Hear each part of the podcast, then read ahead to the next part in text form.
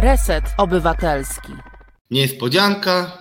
To jest wojna, czyli pasmo Marty Woźniak dzisiaj poprowadzi walczący dzielnie przy boku kobiet Radosław Gruca, Polska. Okopres, chłopak z woli, który się rozpływa w tym upale, ale postara się zrobić program jak najlepszy. Mucha nie siada, że tak powiem. Moi drodzy. Ym, tak.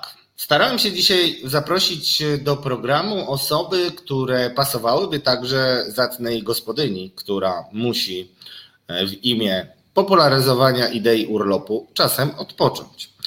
Także mm, mm, cóż, dobór wasz jest y, trochę inny niż w moich programach. Jutro mój program będzie taki standardowo niestandardowy, a dzisiaj to jest wojna i dzielne kobiety oraz dzielny mężczyzna o dzielnej kobiecie, która służy złej sprawie.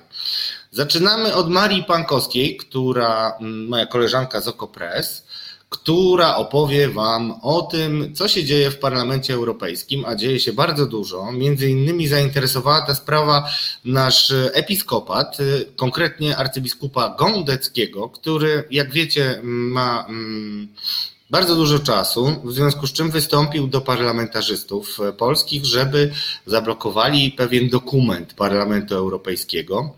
Myślę, że nie będziecie tak bardzo zaskoczeni, ale postanowiłem o tym porozmawiać, bo dotyczy to praw kobiet w dużej mierze i o tym nam opowie Maria Pankowska i także trochę jeszcze dorzuci od siebie swojej wnikliwej, kuluarowej wiedzy z zakresu Ministerstwa Spraw Zagranicznych i Dyplomacji.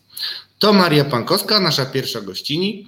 Po Marii zaproszę Was, albo nie, nie po Marii. Powiecie, nie może być za łatwo, w związku z czym naszą drugą gościnią, która może się okazać gościnią pierwszą, trzecią albo czwartą, w zależności od tego, jak będzie obradował drogi nasz parlament, najdroższy. Będzie to Monika Rosa, która po pierwsze opowie Widzicie, cały jestem rozedrgany, wybaczcie. Monika Rosa, która opowie nam o tym, co wydarzyło się wczoraj w Sejmie. Mam nadzieję, że echa tego do Was doszły.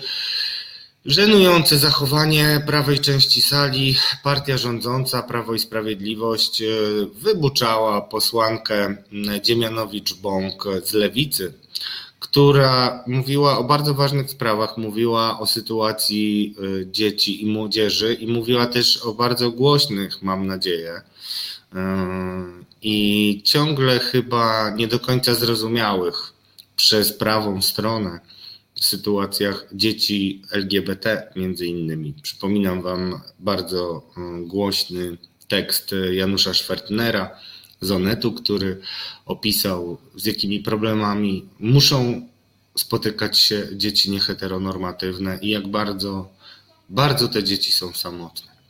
Także to będzie wkład od Moniki Rosy, ale będzie też oczywiście pozytywny element i będą to sklepy socjalne, o których Wam Monika Rosa opowie. To nie jest taki sexy temat dla mainstreamu, a jak wiecie, zawsze musimy dbać o najdroższy towar świata, czyli nadzieję.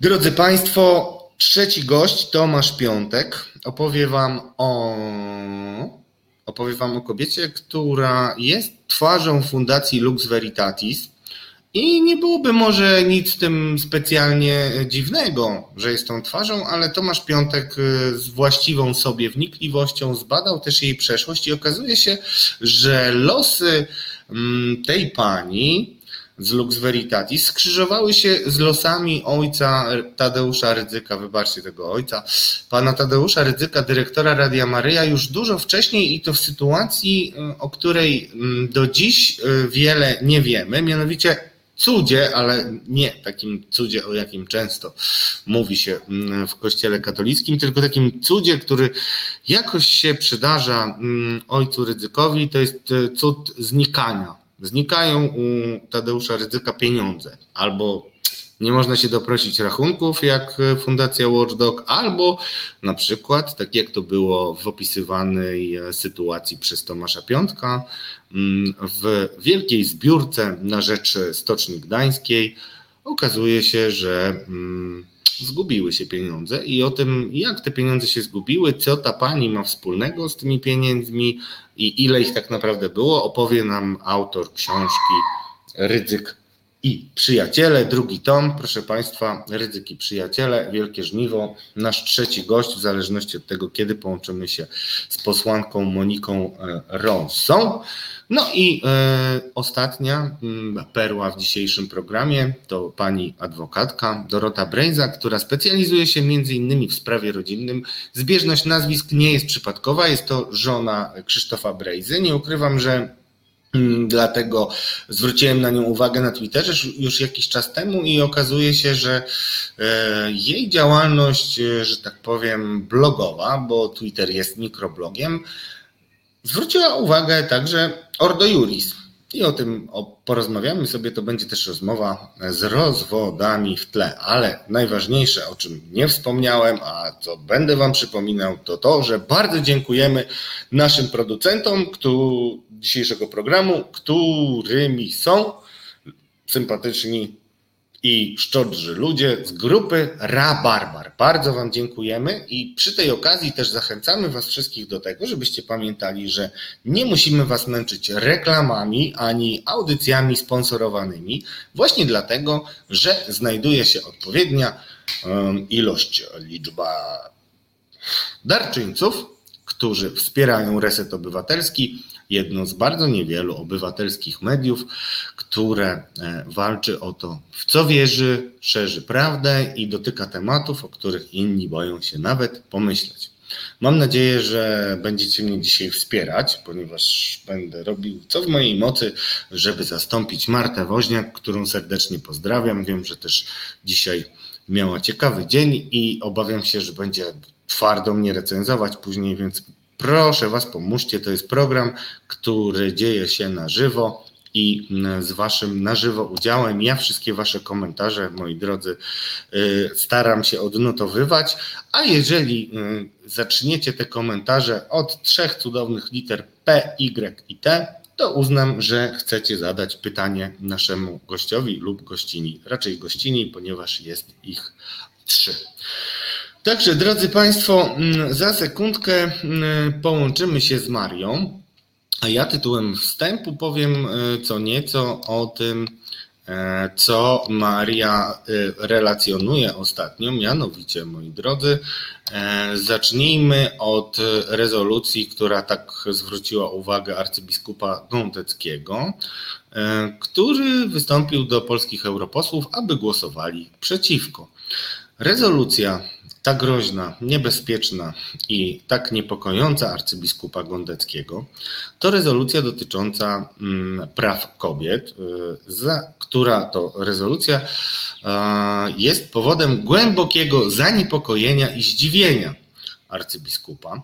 Chodzi o e, projekt przygotowany e, w Komisji e, Praw Kobiet Parlamentu Europejskiego E, no i ten groźny, niebezpieczny i niepokojący projekt między innymi e, zawiera mm, wezwanie państw członkowskich do zapewnienia obywatelkom i obywatelom Unii Europejskiej równego dostępu do bezpiecznych i ekologicznych produktów higieny menstruacyjnej oraz maksymalnego obniżenia VAT na te produkty. Chodzi oczywiście o temat, y, o którym niejednokrotnie już Marta Woźniak w swoich audycjach mm, mówiła e, i jest to realny problem, jeśli chodzi o Polskę, czyli mm, jakoś przez 30 e, lat wolnej Polski nie udało się doprowadzić do tego, żeby młode dziewczęta były wyposażone i bezpieczne pod względem zapewnienia produktów higieny menstruacyjnej. Jako szczęśliwy ojciec córeczki uważam, że nie jest to bagatelna sprawa i nie należy podchodzić do tego tak lekceważąco, jak działo się to przez lata. Ale to nie wszystko, co może niepokoić arcybiskupa Gondeckiego. I myślę, że Clue oczywiście niepokoju to mm, prawo do nowoczesnej i skutecznej antykoncepcji oraz e, kompleksowej edukacji seksualnej. Jak wiadomo, seks e, zdaniem większości ludzi kościoła jest zły, jeśli nie roz... E, jak to powiedziała Anna Sobecka, seks jest zły, kiedy nie, roz, nie rozmnaża. No, nie pamiętam w, tej, w tym momencie, wybaczcie, Anna Sobecka to jest taka postać, która mi przyszła do głowy, ale a, seks jest zły, kiedy nie służy generalnie prokreacji. No ja śmiem e, wątpić, na szczęście nie wszyscy, także katolicy tak myślą. Gorąco mi jak o tym mówię.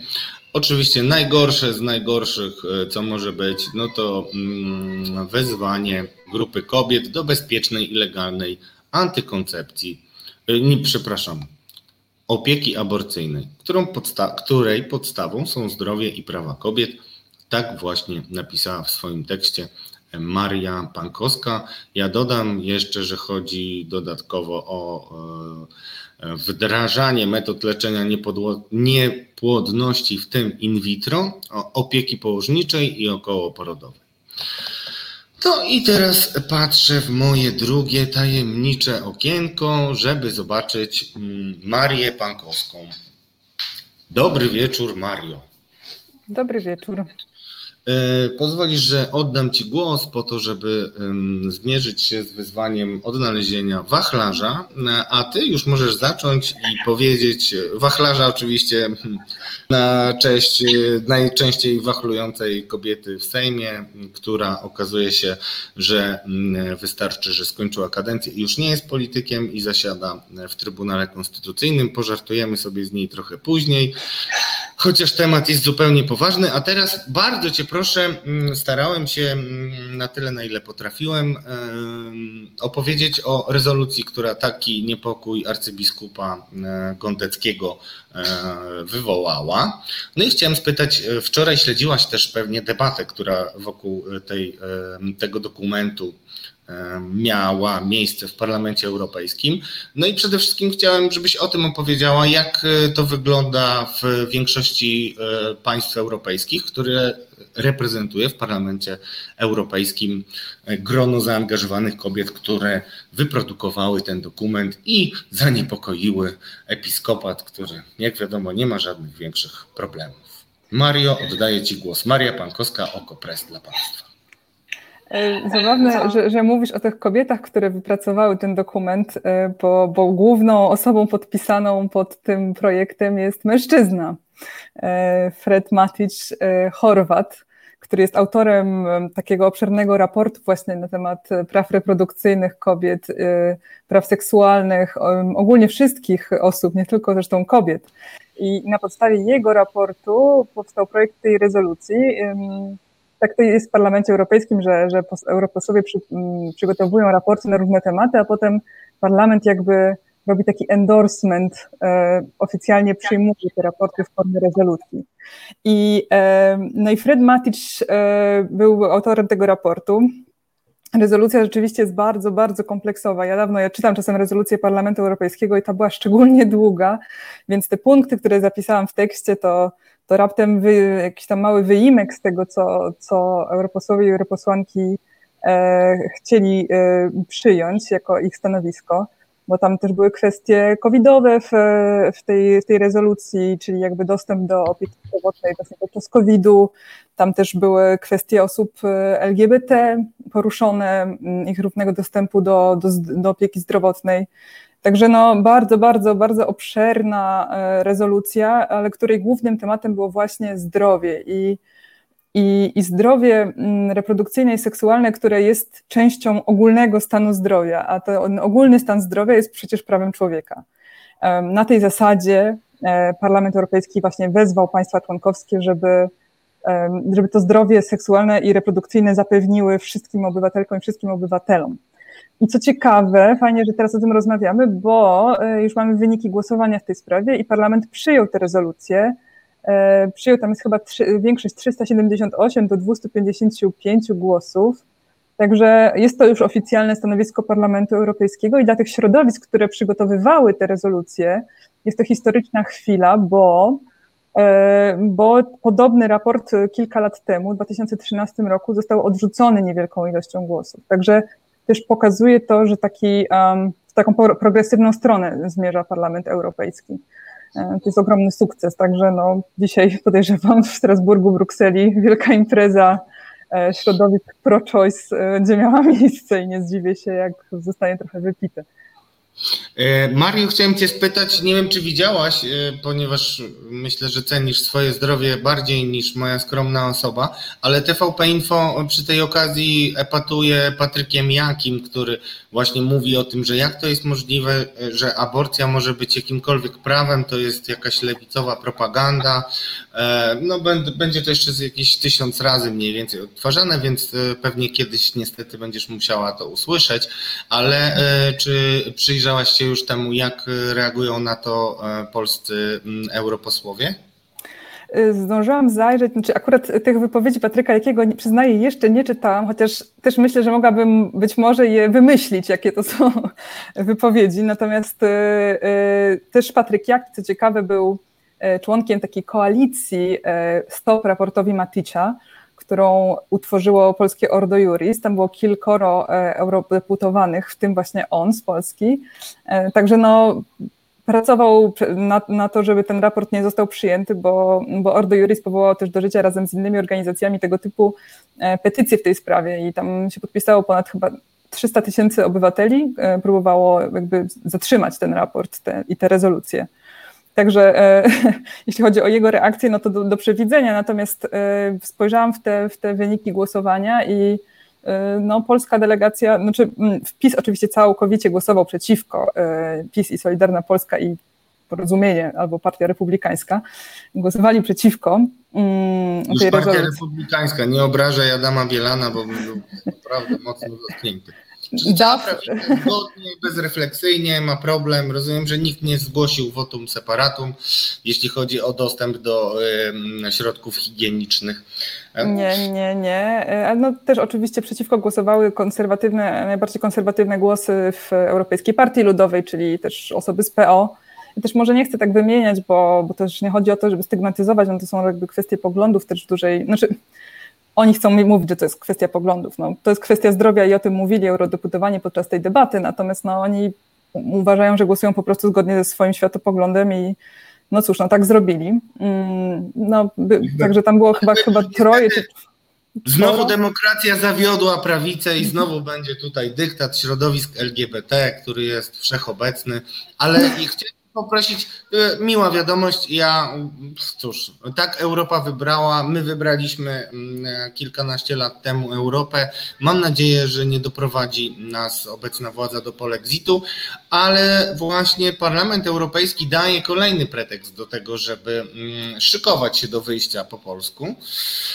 E, ponieważ e, Parlament Europejski krytycznie patrzy na e, Komisję Europejską, która pozwoliła szczególnie władzy polskiej i węgierskiej przedłużać to, co stało się faktem w grudniu podczas uzgodnień na szczycie. Chodzi o praworządność. Czy mogłabyś nam wytłumaczyć, jaka jest sytuacja w Parlamencie Europejskim, jakie są zarzuty w stosunku do Komisji Europejskiej? E, jeśli chodzi o przewlekłość e, w pierwszy, znaczy odkładanie w czasie e, możliwości zastosowania przepisów dotyczących praworządności i, i przypomnij nam, o co z tymi przepisami chodzi. Dobrze. Rzeczywiście dzisiaj się też coś nowego wydarzyło w tej sprawie, ale zacznę może od tego, o co chodzi. Chodzi o to rozporządzenie pieniądze za praworządność, w ramach którego Unia dostała narzędzia, żeby zawieszać wypłaty z budżetu dla tych państw, które mają problemy z praworządnością, zwłaszcza w sytuacji, kiedy te problemy mogłyby wpłynąć na to, jak te państwa członkowskie sobie radzą z przestępstwami dotyczącymi funduszy. Czyli taki przykład, powiedzmy, że w danym kraju się zdarza, że ktoś źle wydaje fundusze z Unii Europejskiej, komisja patrzy, no dobrze, ale w tym kraju nie ma praworządności, nie ma wolnych sądów i prokuratury. No dobrze, no to jak my mamy gwarancję, że to będzie ścigane, że nasze pieniądze są źle, dobrze, źle wydawane? No i wtedy może zawiesić takie wypłaty z budżetu, dopóki ten kraj nie usunie tych, e, tych problemów z praworządnością, bo, bo chodzi w tym rozporządzeniu właśnie o to, żeby te problemy zostały usunięte, żeby takie przestępstwa były ścigane.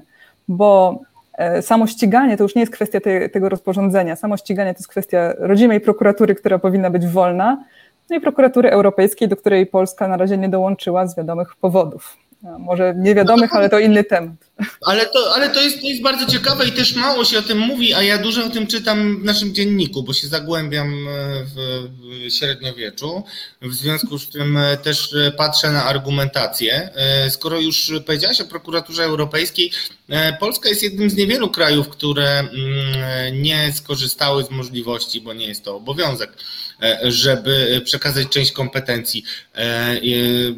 Jakie są argumenty, jeżeli już o tym mówimy? Bo jest to też element praworządności, a nie ukrywajmy, że Prawo i Sprawiedliwość e, tutaj oddaje e, pole e, Zbigniewowi Ziobrze i jego Solidarnej Polsce, żeby rozgrywała te tematy. I to właśnie Zbigniew Ziobro bardzo krytykował zarówno zapisy o praworządności, jak i w ogóle ideę prokuratury europejskiej.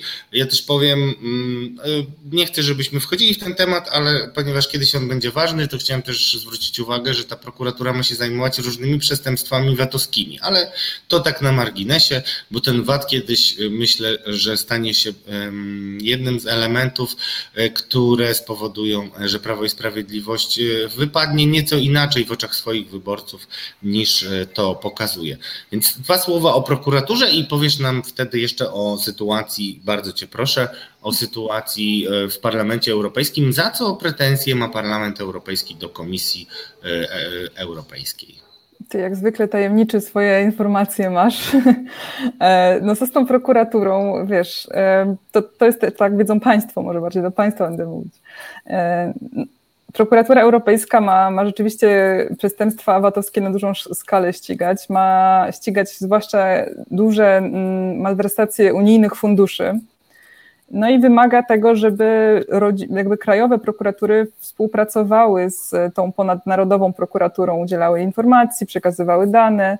No ale też taka współpraca rodzi pewną formę kontroli tej prokuratury europejskiej nad e, krajowymi prokuraturami i, I, w związku z tym no, tak, takie rozwiązanie się nie mogło spodobać Zbigniewowi Ziobrze. Natomiast to, co oficjalnie jest mówione w Polsce, to, to, to w zasadzie niewiele, bo Polska, polski rząd głównie mówi, nie potrzebujemy tego, my świetnie działamy, nie, nie potrzebujemy, żeby jakaś inna prokuratura nam się tutaj mieszała. Oni uważają, że nie ma takiego obowiązku, to nie ma takiej potrzeby, więc w zasadzie po co się tam przyłączać. No ale jesteśmy jednym z pięciu krajów, um, to, to naprawdę niewiele. E, takich, e, no oprócz nas oczywiście Węgry, też Irlandia i Dania, które akurat mają taką klauzulę opt-out do wielu różnych kwestii, to była tylko jedna z nich. E, no i jeszcze Szwecja, ale ta Szwecja się jeszcze waha i, i, i w sumie nie wiem, być może jeszcze dołączy.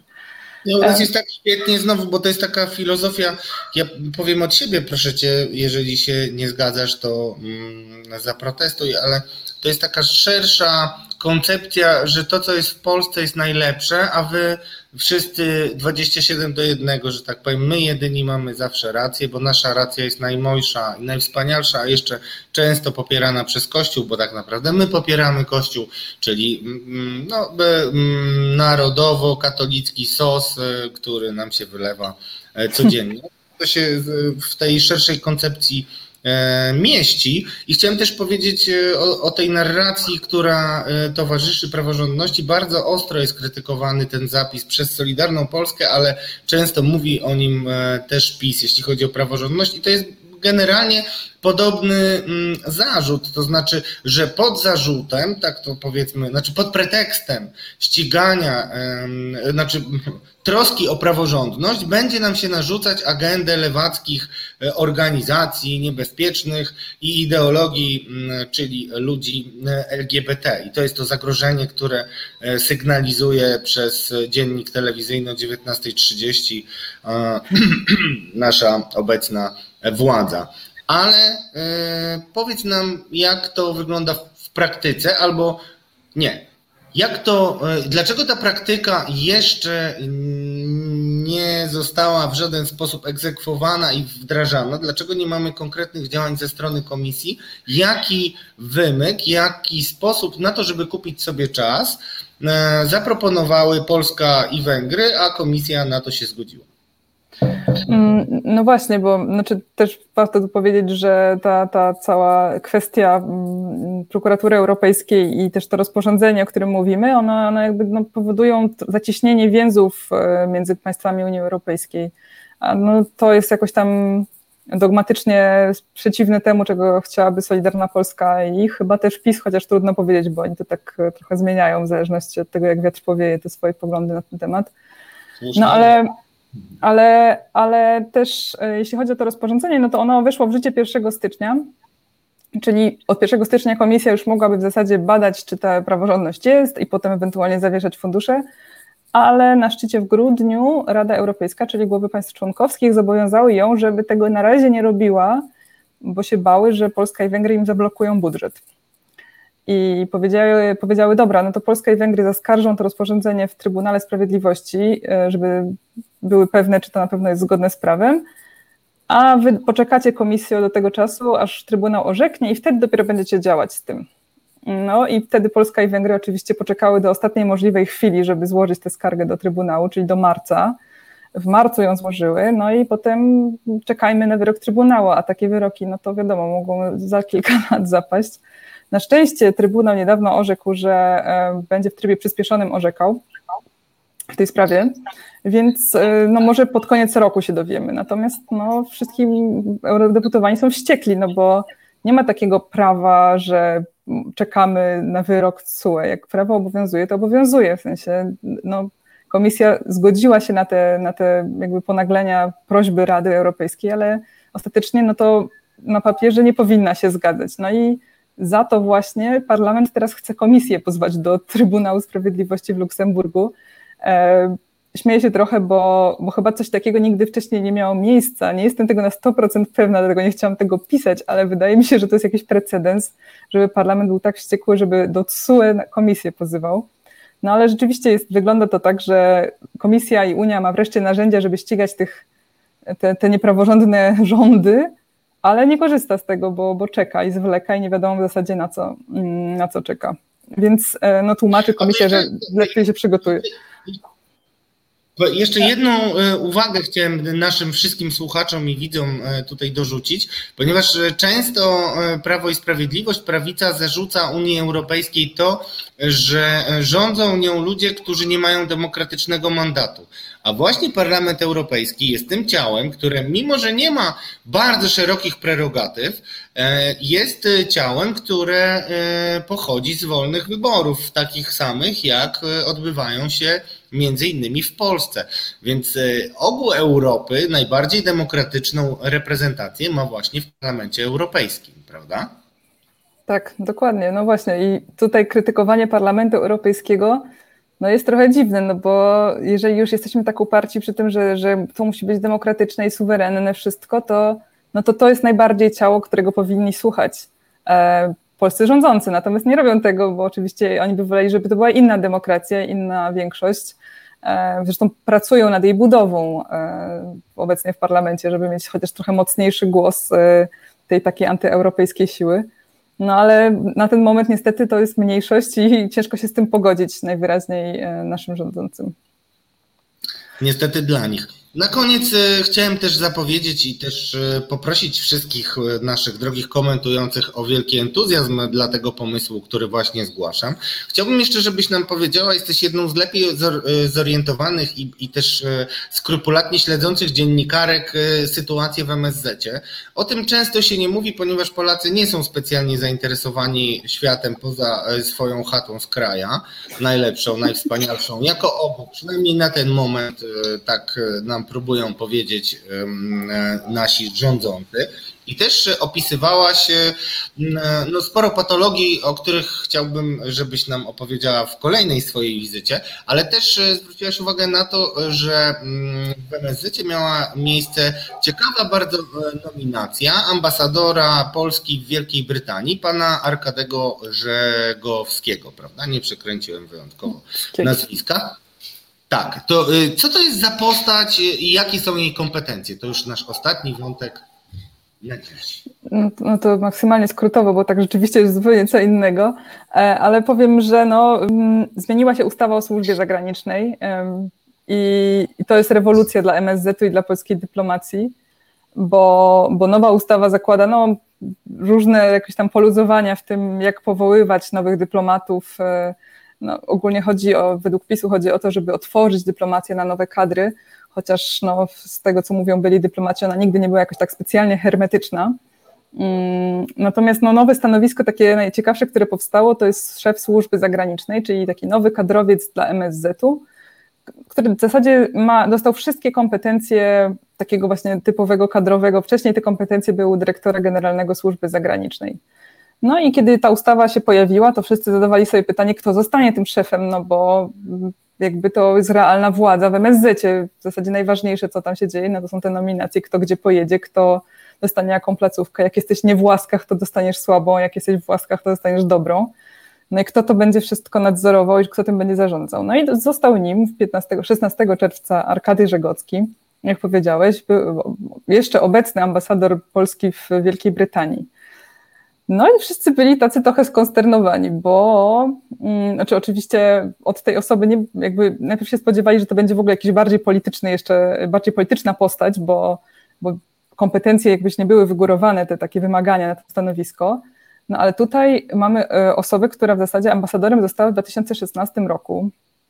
Polecono, e, polecił ją wtedy, Żegockiego polecił wtedy Gowin, w zasadzie jego partia Polska Razem, bo, bo wcześniej też polecała go do, na radnego Krakowa, E, no ale tak, no profesor, politolog, tak, został tym ambasadorem. To też takie środowisko krakowskie, tam ja wiem, że jest duża przyjaźń między panem Arkadym a e, panią Jadwigą Emilewicz. Generalnie środowisko Gowina, które wtedy było Polską Razem, dzisiaj nazywa się Porozumienie, Krakusy trzymają się twardo razem, ale były pewne zastrzeżenia co do e, pana e, ambasadora, jeśli chodzi o to, jak reprezentował Polonię, w jakich kontaktach był e, i też w jaki sposób mm, realizował pewne tendencje dotyczące wspierania pewnych środowisk. Mogła jeszcze to przypomnieć na koniec dzisiejszej. Tak, tak, no, no, mm, za ambasadorowania Arkadego Żegockiego ta placówka w Wielkiej Brytanii zrobiła taki dość mocno konserwatywny zwrot. E, okazało się, że, że finansowo wsparła targi książki w Slough, chyba się to czyta, e, na których przemawiali związani ze skrajną prawicą e, działacze e, takiego środowiska Polska Niepodległa. Był tam też Marcin Rola, który był moderatorem e, tego, tego całego spotkania. Ksiądz, którego nazwiska nie pamiętam, kapelan narodowców. No i oni mówili na tej konferencji o tym, jak trzeba bronić białej Europy przed wpływami islamu i e, no, ogólnie no, coś, coś absurdalnego, jeśli chodzi o, zwłaszcza w Wielkiej Brytanii, żeby placówka sponsorowała takie wydarzenie. No i potem się o tym zrobiło trochę głośno, był ambasador się tłumaczył, że on nie wie, że oni nie wiedzieli, że to w zasadzie nie mogą monitorować tych wypowiedzi. No a tam były kolejne jakieś. Powiedzmy, ten ksiądz chyba, o którym mówiłaś, już nie jest księdzem, nazywa się Jacek Międlar, jest też stałym e, gościem u e, e, pana Roli w jego programach, takich jak sobie wyobrażacie po prawicowych pracownikach mediów. I chciałem powiedzieć, że tam też interweniowali przeciwko wspieraniu tych środowisk parlamentarzyści z Wielkiej Brytanii, co też między innymi zaskutkowało tym, że Rafał Ziemkiewicz e, zrezygnował ze swojej wizyty w Londynie, ponieważ obawiał się, że zostanie niewpuszczony, tak jak nie został wpuszczony między innymi Jacek Międlar, więc taki właśnie by wspierał słowem, a także um, funt, funt, nie funtem, euro, e, funtem, funtem, funtem. Boże, funtem tak. E, wspierał pan ambasador. Tam były dwa wydarzenia. Jedno to był kapelan kibiców, a drugi to był Międlar na wilczym, biegu wilczym szlakiem, tam coś z żołnierzami wyklętymi, na który właśnie nie został wpuszczony przez Wielką Brytanię, bo się Wielka Brytania dowiedziała, kto to jest.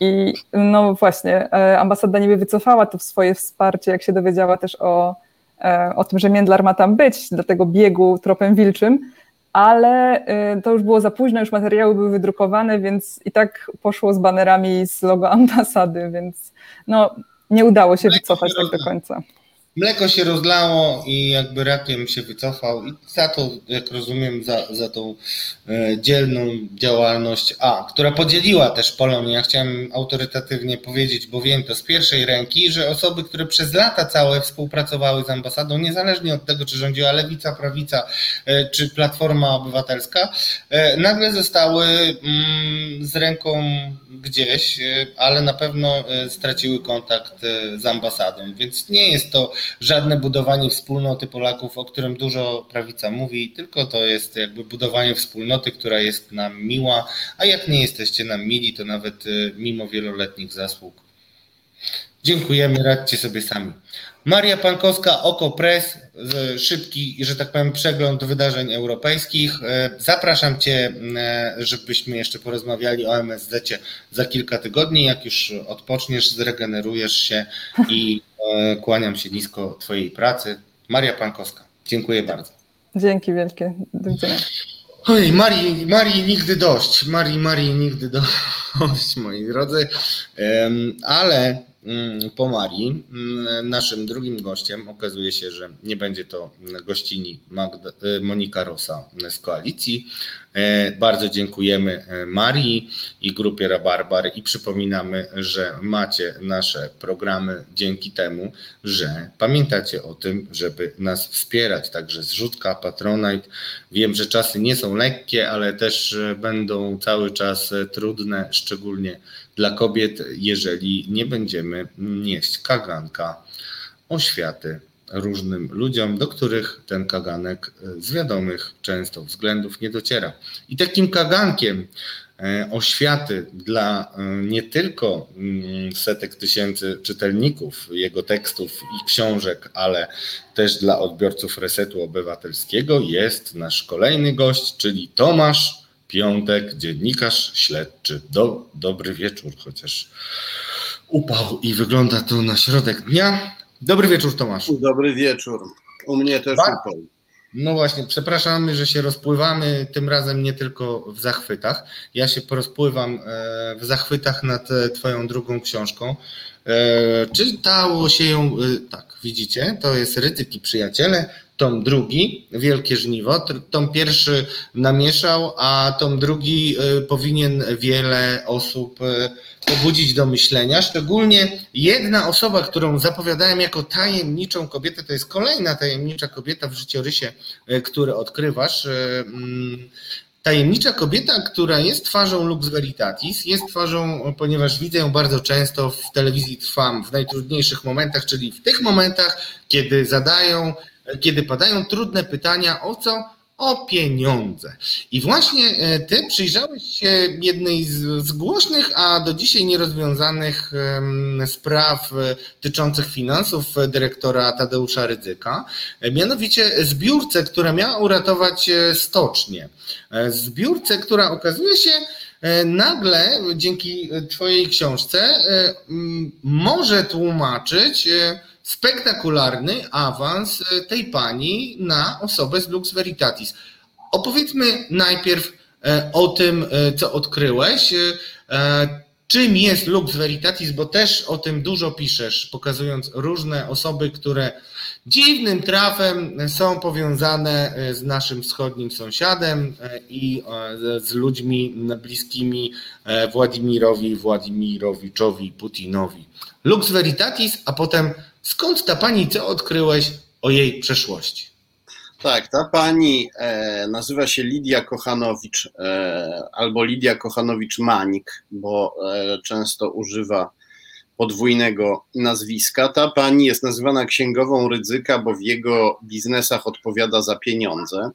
E, Rydzyk prowadzi swoje biznesy za pośrednictwem fundacji Lux Veritatis, czyli Światło Prawdy co jest niezwykle zabawne, że Rydzyk tak e, nazwał e, organizację, która spina jego, jego biznesy, bo tu raczej pasowałoby ciemność kłamstwa na przykład. E, pani Lidia Kochanowicz-Mańk odpowiada w Fundacji Lux Veritatis i w biznesach prowadzonych przez tę fundację za pieniądze. Faktycznie ona jest twarzą ryzyka, jeśli chodzi o sprawy finansowe. Ona pojawia się, gdy padają trudne pytania o pieniądze, ale ona na te pytania nie odpowiada. I warto w końcu powiedzieć, skąd się wzięła pani Lidia Kochanowicz-Mańk. Tę zagadkę, jedną z wielu, e, rozwiązaliśmy właśnie już. Mamy ją rozwiązaną w tej książce Ryzyki Przyjaciele, Wielkie Żniwo, e, czyli w tomie drugim książki Ryzyki Przyjaciele. E, historia e, jest dość niezwykła. Mianowicie w latach 90. Rydzyk zaczyna e, wyciągać od swoich słuchaczy pieniądze rzekomo na ratowanie upadającej stoczni gdańskiej kolebki Solidarności. Dostaje grube miliony od ludzi, nie do końca wiadomo ile. W książce precyz- przedstawiam precyzyjne wyliczenia, ale ponieważ Rydzyk jako taki nie prowadzi księgowości, jego, e, on prowadzi swoje biznesy jako zakonnik. Radio Maryja jest jednostką e, wewnętrzną zakonu redemptorystów, więc nie musi prowadzić księgowości.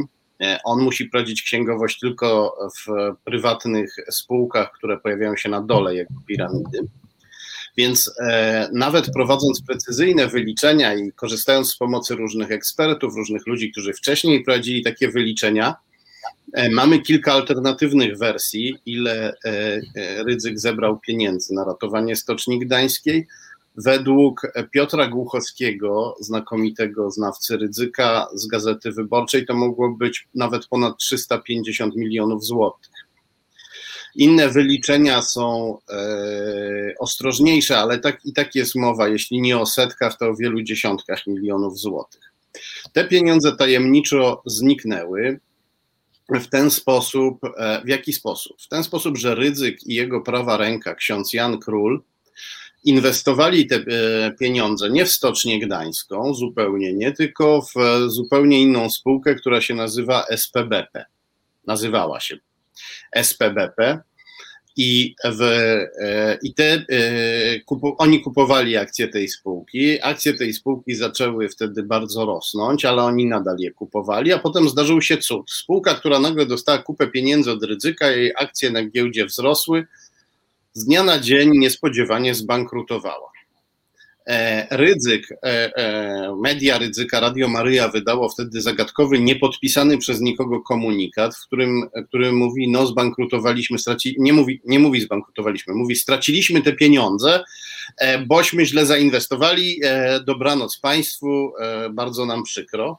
Ale to jest istotne, to jest bardzo istotne, ponieważ to, to zwracasz uwagę, na co zwracasz uwagę w swojej książce. Ojciec Tadeusz Rydzyk, dyrektor e, Radia Maryja, niezwykły e, przyznawać się do jakichkolwiek niedoskonałości, raczej je przemilcza. Ewentualnie, jeżeli ma na przykład jakiegoś antysemitę, a chce być nagle filosemitą, to wykasowuje z ramówki i pokazuje się z innym e, bardzo ciekawym człowiekiem, o którym na pewno jeszcze porozmawiamy, Johnem Danielsem, ale nie mnóżmy wątków. I tym razem akurat e, wychodzi komunikat nie podpisany przez nikogo, to jest e, naprawdę wyprzedził swoją epokę, bo teraz to nikt e, prezentując stanowiska ministerstw, prokuratury i tak dalej, wszyscy podpisują się per ministerstwo, per prokuratura, tak jakby to się samo Ale działo. Uwaga, ten komunikat ryzyka o tym, że stracił miliony na giełdzie, nie był podpisany nawet w ten sposób. Nie było podpisu, że to mówi Radio Maryja, nie było podpisu, że to mówi Zakon Redemptorystów, nie było podpisu, że to mówi Społeczny Komitet Ratowania Stoczni, który sobie ryzyk powołał. Nie, to był komunikat, e, jacyś nieznani my mówią, my straciliśmy. Sorry, dobranoc, państwu nie ma już tych pieniędzy, idziemy spać. E... Dokładnie i jeszcze to jest bardzo istotne, bo tak, pieniądze gdzieś się rozpłynęły. Nie wiadomo, czy to, to jest co najmniej e, 7,5 e, miliona złotych, co najmniej... A nie, to, to, to, to, jest, to jest tak absolutnie minimalne wyliczenie. Tych pieniędzy było na pewno więcej. Głuchowski okay. mówi ponad 350 milionów. Jerzy Borowczak, związkowiec Solidarności ze Stoczni Gdańskiej, mówi 200 milionów. Tak, y, on y, był przy tym wszystkim, bo to też y, tej zbiórce i powiedzmy to tylko krótko towarzyszył,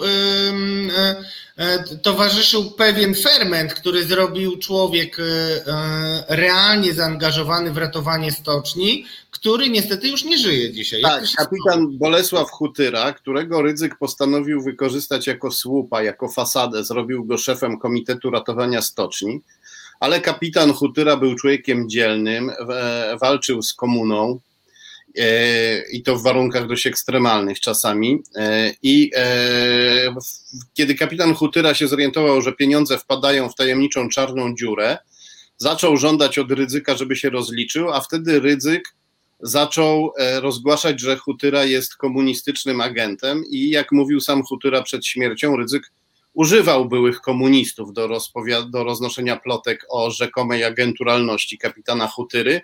Kapitan Hutyra postanowił sprawę wyjaśnić z ministrem skarbu, wybrał się do Warszawy i na prostej, niezatłoczonej drodze zginął w tajemniczym wypadku.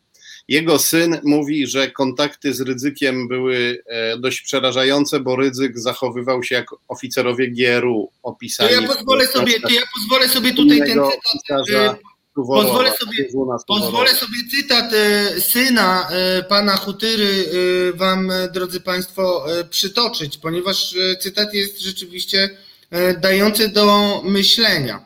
O ojcu mówi tak, z pewnością Rydzyk i jego ludzie zaszczuli go. Było to tym bardziej ohydne, że tata oddałby życie za Rydzyka i sprawę stoczni. Pamiętam, jak w 1997 roku jechaliśmy we dwóch z Warszawy do Gdyni. Gdy przejeżdżaliśmy przez Toruń, tata stwierdził, Tomek, podjedziemy do radia. Czeka tam na nas ojciec dyrektor. Byłem bardzo zdziwiony, gdyż działo się to po północy. O pierwszej okazało się, że on prawie w ogóle nie śpi, czyli Rydzyk. O pierwszej w nocy odprawił mszę, na której brałem, e, na, na, której byłem tylko ja z tatą. Wywarło to na mnie ogromne wrażenie. Uderzyła mnie też jego niesamowita zdolność manipulowania ludźmi. Chwila rozmowy, sposób patrzenia, który sugerował, że chce coś na mnie wymusić. Przypomniała mi się scena z akwarium Suworowa i opisane tam szkolenia agentów. Taki cytat przytaczasz. Tak, tak. A Suworow, e, Riezun tak naprawdę się nazywa ten autor, który pisze pod pseudonimem Suworow, to były oficer wojskowego wywiadu sowieckiego, który opisuje szkolenia oficerów tego wywiadu i werbowanie agentów na przykład. E, tak, to jest przerażające. No i e, to, e, to budzi podejrzenie. To, to uporządkujmy wątki. Mamy, e, tajem, mamy tajemnicze zaginięcie pieniędzy, mamy tajemniczą śmierć i w końcu dochodzimy, bo dzisiaj jest, to jest wojna i jak wiadomo, wojna no to dwie strony. I mamy tutaj panią właśnie, o której wcześniej mówiliśmy, która jest dzisiaj twarzą i księgową Tadeusza Rydzyka. No właśnie. Jak ona, jaka była jej rola, gdzie ona się znalazła przy tej firmie, w której akcje zainwestował Tadeusz Rydzyk? No właśnie, mamy tu do czynienia z tak, zagadkowa śmierć e, kapitana Hutyry, zagadkowe zniknięcie pieniędzy, prawdopodobnie związane z tą śmiercią, to budzi podejrzenie, że kapitan zginął, bo za dużo wiedział o tym, gdzie te pieniądze ginęły. To, że e, nagle rozgłośnia ryzyka wydaje taki komunikat, w którym się przyznaje do straty pieniędzy, to też jest bardzo dziwne, bo ryzyk się do takich rzeczy zazwyczaj nie przyznaje, więc jeśli się do tego przyznaje, to chce ukryć coś innego, coś gorszego, prawdopodobnie coś przeciwnego. To, że to on te pieniądze e, w jakiejś formie sobie schował do kieszeni pod sutanną. I e, mamy tu niezwykłą okoliczność taką, że ksiądz Rydzyk powierza inwestowanie tych pieniędzy zebranych księdzu królowi. Ksiądz król je inwestuje w spółkę SPBP i e, te pieniądze zostają oficjalnie utracone. Taka jest oficjalna wersja. Rydzyk ma to no właśnie, do siebie. powiedzmy jedną rzecz, bo to też jest no, bardzo ciekawy wątek. Bardzo ciekawy wątek, bo e, te akcje e, nagle spadają i okazuje się, że firma jest nierentowna. E, I wtedy Tomasz Piątek pyta, a gdzie była księgowość tej firmy i co tam się stało, że nagle ta firma traci płynność. Ja jeszcze dodam jedną ciekawą rzecz, bo nie pochwalił się tym Tadeusz Rydzyk. E, Tomasz opisuje osobę, która była w Radzie Nadzorczej tej firmy i tą osobą jest Jacek Piechota, czyli były minister gospodarki, między innymi w rządzie Marka e, Belki, człowiek, który ma, też jest bardzo ciekawą postacią, świetnie to opisujesz, ale jest to człowiek lewicy. Jest też tam e, ciekawa postać pani ze Szczecina, która zostaje zatrzymana, pani wiceprezydent Szczecina, Szczecina, która zostaje zatrzymana przez ABW. To wszystko są wątki, o których ja, mimo że jednak interesuję się i Tadeuszem Ryzykiem, nie byłem ich świadom. E, dlaczego w takim razie tak ważne jest to, jak wyglądała księgowość tej firmy, w której akcje zainwestował Tadeusz Rydzyk i kto przez to stracił te wszystkie miliony?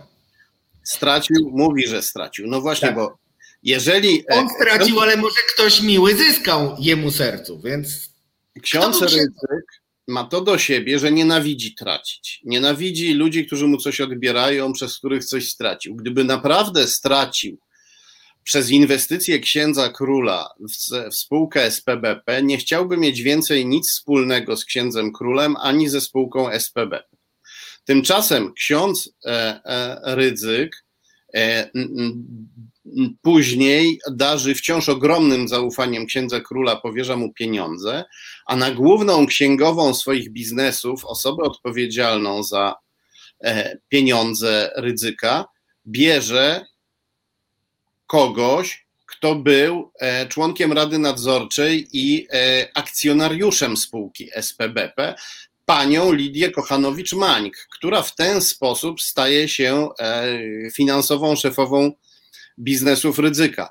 Ona. Zaraz, zaraz, to, czy ja dobrze rozumiem, czy ja dobrze rozumiem, że jest kobieta, która e, ma udziały, znaczy jest aktywnie zaangażowana w e, politykę finansową tej firmy, która nagle upada, w związku z czym nagle przepadają pieniądze, które przecież realnie w tej firmie były jako aktywa, jako kontrakty i tak dalej. I ta pani przyłożyła rękę do tego, żeby ta firma okazała się być bezwartościowa, przez co miliony, które przekazały dobrowolnie słuchaczki, zwolenniczki, zwolennicy, słuchacze i odbiorcy jego mediów, te pieniądze się gdzieś rozpływają, a kobieta, która miała związek z polityką finansową tej firmy, która przecież wydaje się powinna być współodpowiedzialna za to, jako osoba pracująca przy księgowości, e, zostaje przez niego ze wszystkich księgowych e, w Polsce wybrana właśnie akurat ta osoba, żeby prowadzić interesy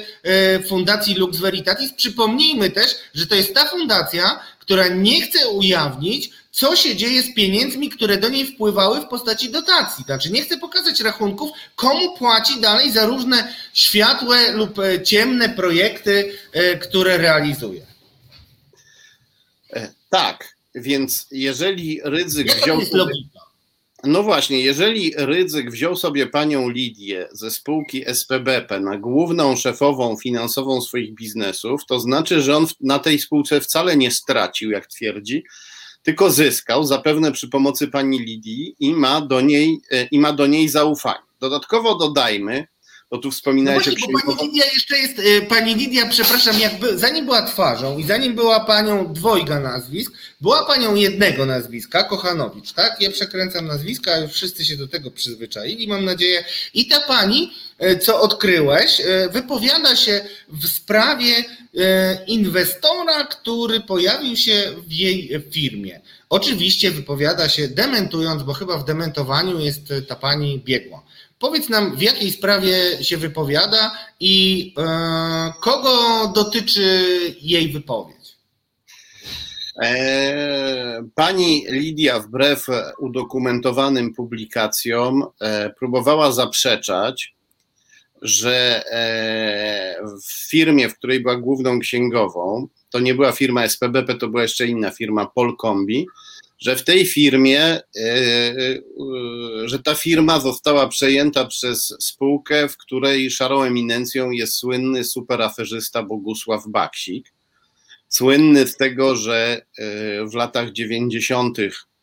stworzył na początku lat 90. spółkę ArtB, która przejęła całą masę różnych, stworzyła masę spółek, przejęła masę spółek, przejęła masę pieniędzy, a potem jej założyciele uciekli do Izraela.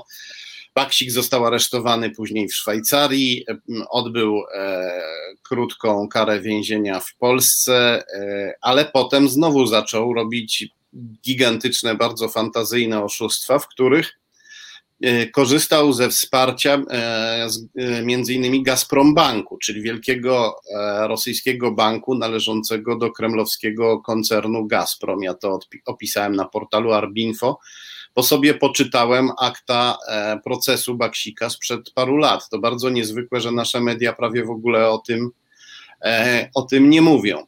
Więc e, wypierała się pani Lidia Kochanowicz-Mańk-Baksika e, i jego związków z firmą Polkombi. A firma Polkombi nas interesuje również dlatego, że e, także firma Polkombi miała związek z Tadeuszem Rydzykiem. Jak widać, Pani Lidia Kochanowicz-Mańk, jeszcze zanim została szefową finansową biznesów Rydzyka, już służyła Rydzykowi na różne sposoby. Służyła mu e, w firmie SPBP, gdzie Rydzyk e, utopił większość pieniędzy, ale służyła mu też w firmie Polkombi, bo firma Polkombi, chociaż miała być teoretycznie firmą specjalizującą się w transporcie, firma Polkombi świadczyła Rydzykowi bardzo szczególną e, usługę. Otóż Rydzyk e, wziął 4 e, miliony kredytu i zaczął e, tego kredytu używać do obrotu wierzytelnościami, obrotu cudzymi długami. I tak się składa, że obrót długami nie wchodzi w zakres działalności statutowej zakonu redemptorystów, więc w tym przypadku Rydzyk musiał prowadzić księgowość. I tę księgowość prowadziła mu firma Polkombi, E, według licznych i udokumentowanych publikacji powiązana z Bogusławem Baksikiem, słynnym superaferzystą. I obecność Baksika przy tej sprawie może nam tłumaczyć, e, poniekąd może stanowić wskazówkę co do tego, jak taka duża ilość pieniędzy wyparowała, bo Baksik jest wielkim specjalistą od e, wyparowywania dużych ilości pieniędzy w, w, w krótkim tempie. To jest w książce w szybkim tempie, to jest w książce E, dokładnie, dokładnie opisane. E, natomiast bardzo ciekawe jest to, co wspomniałeś też, że e, nad firmą, firmą firmę SPBP nadzorował i był takim protektorem politycznym postkomunistyczny polityk Jacek Piechota, który. Przypominam, przypominamy, że w akcję tej firmy właśnie zainwestowano pieniądze, które dobrowolnie po to, żeby ratować stocznie, oddawali ludzie, którzy zaufali Tadeuszowi Rydzykowi. On te pieniądze wziął, zainwestował w firmę, w której w Radzie Nadzorczej był postkomunista, zresztą z ciekawymi bardzo papierami w Instytucie e, Pamięci Narodowej, czyli jakby wszystko zupełnie. Yy, takie wydaje się być e, no, obce ryzykowi, tak? Tu mamy postkomunistę, jakieś inwestowanie w giełdę, no wiadomo, giełda, no to pieniądze to zachód w ogóle. No, Ale... I nagle okazuje się, że wszystko się zgadza, tylko pieniądze wyparowały, a przy tym wszystkim jest człowiek, który e, jest specjalistą od wyparowywania pieniędzy, czy tam no właśnie się tak odparowuje różne potrawy, więc odparował, zostały długi, firma upadła, a tą firmą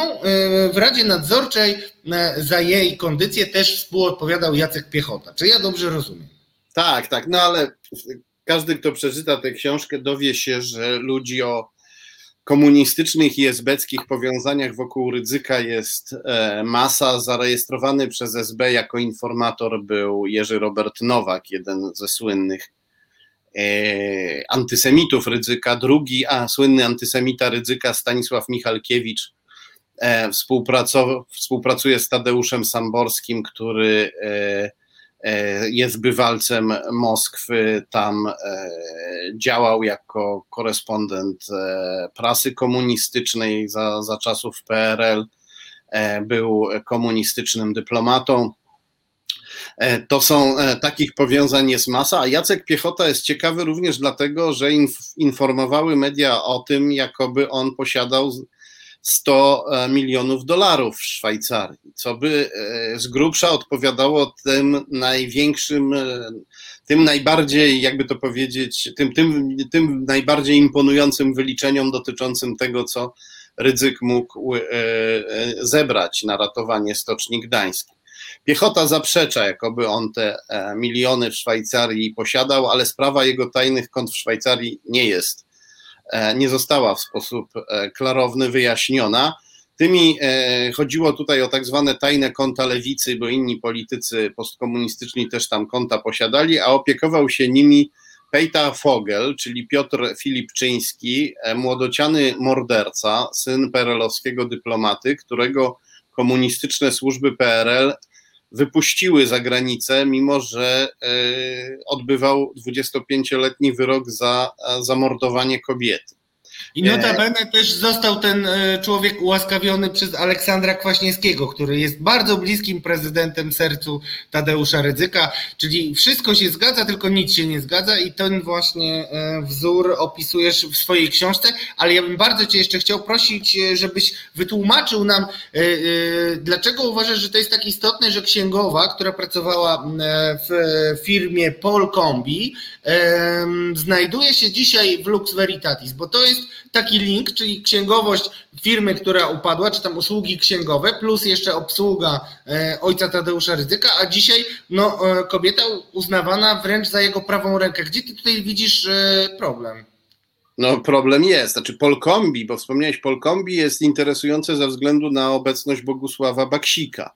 Natomiast e, e, e, firma SPBP jest kluczowa ta osoba e, działała w firmie, która rzekomo doprowadziła do największej, do jedynej zresztą znanej, gigantycznej straty pieniędzy przez ojca Rydzyka. A potem Rydzyk robi ją szefową swoich biznesów. No najwyraźniej ta osoba też jest specjalistką od e, wyparowywania dużych ilości pieniędzy i zapewne nie przypadkiem media donosiły o jej powiązaniach z Bogusławem Baksikiem. Mm, ze względu na wschodnie powiązania Baksika i także powiązania pana Piechoty, bo one dotyczą nie tylko przeszłości. W 2013 roku pan Piechota jako e, inicjator tak imprezy cyklicznej Business Baltic Forum twierdził, że w Rosji następuje normalizacja i że będzie promować Rosję i że będziemy teraz robić biznesy z Rosją. W 2013 roku, gdy już było jasne, że Putin morduje ludzi, i szykuje się do napaści na Ukrainę. E, e, kilka miesięcy później Putin faktycznie na Ukrainę napadł, a w 2013 e, próbował Ukrainę odciągnąć od Zachodu przy pomocy skorumpowanego i zbrodniczego prezydenta Wiktora Janukowycza. Więc pan Piechota takie rzeczy wtedy opowiadał. To wszystko wskazuje, że jeśli chodzi o tę rzekomą wrogość między, e, między niektórymi liderami postkomunistów a Rydzykiem, no to ta wrogość była faktycznie rzekoma. E, warto też dodać, że e, pani Lidia Kochanowicz-Mańk była też związana z polityczką SLD Ewą Spychalską, którą później zrobiono ambasadorką na Białorusi.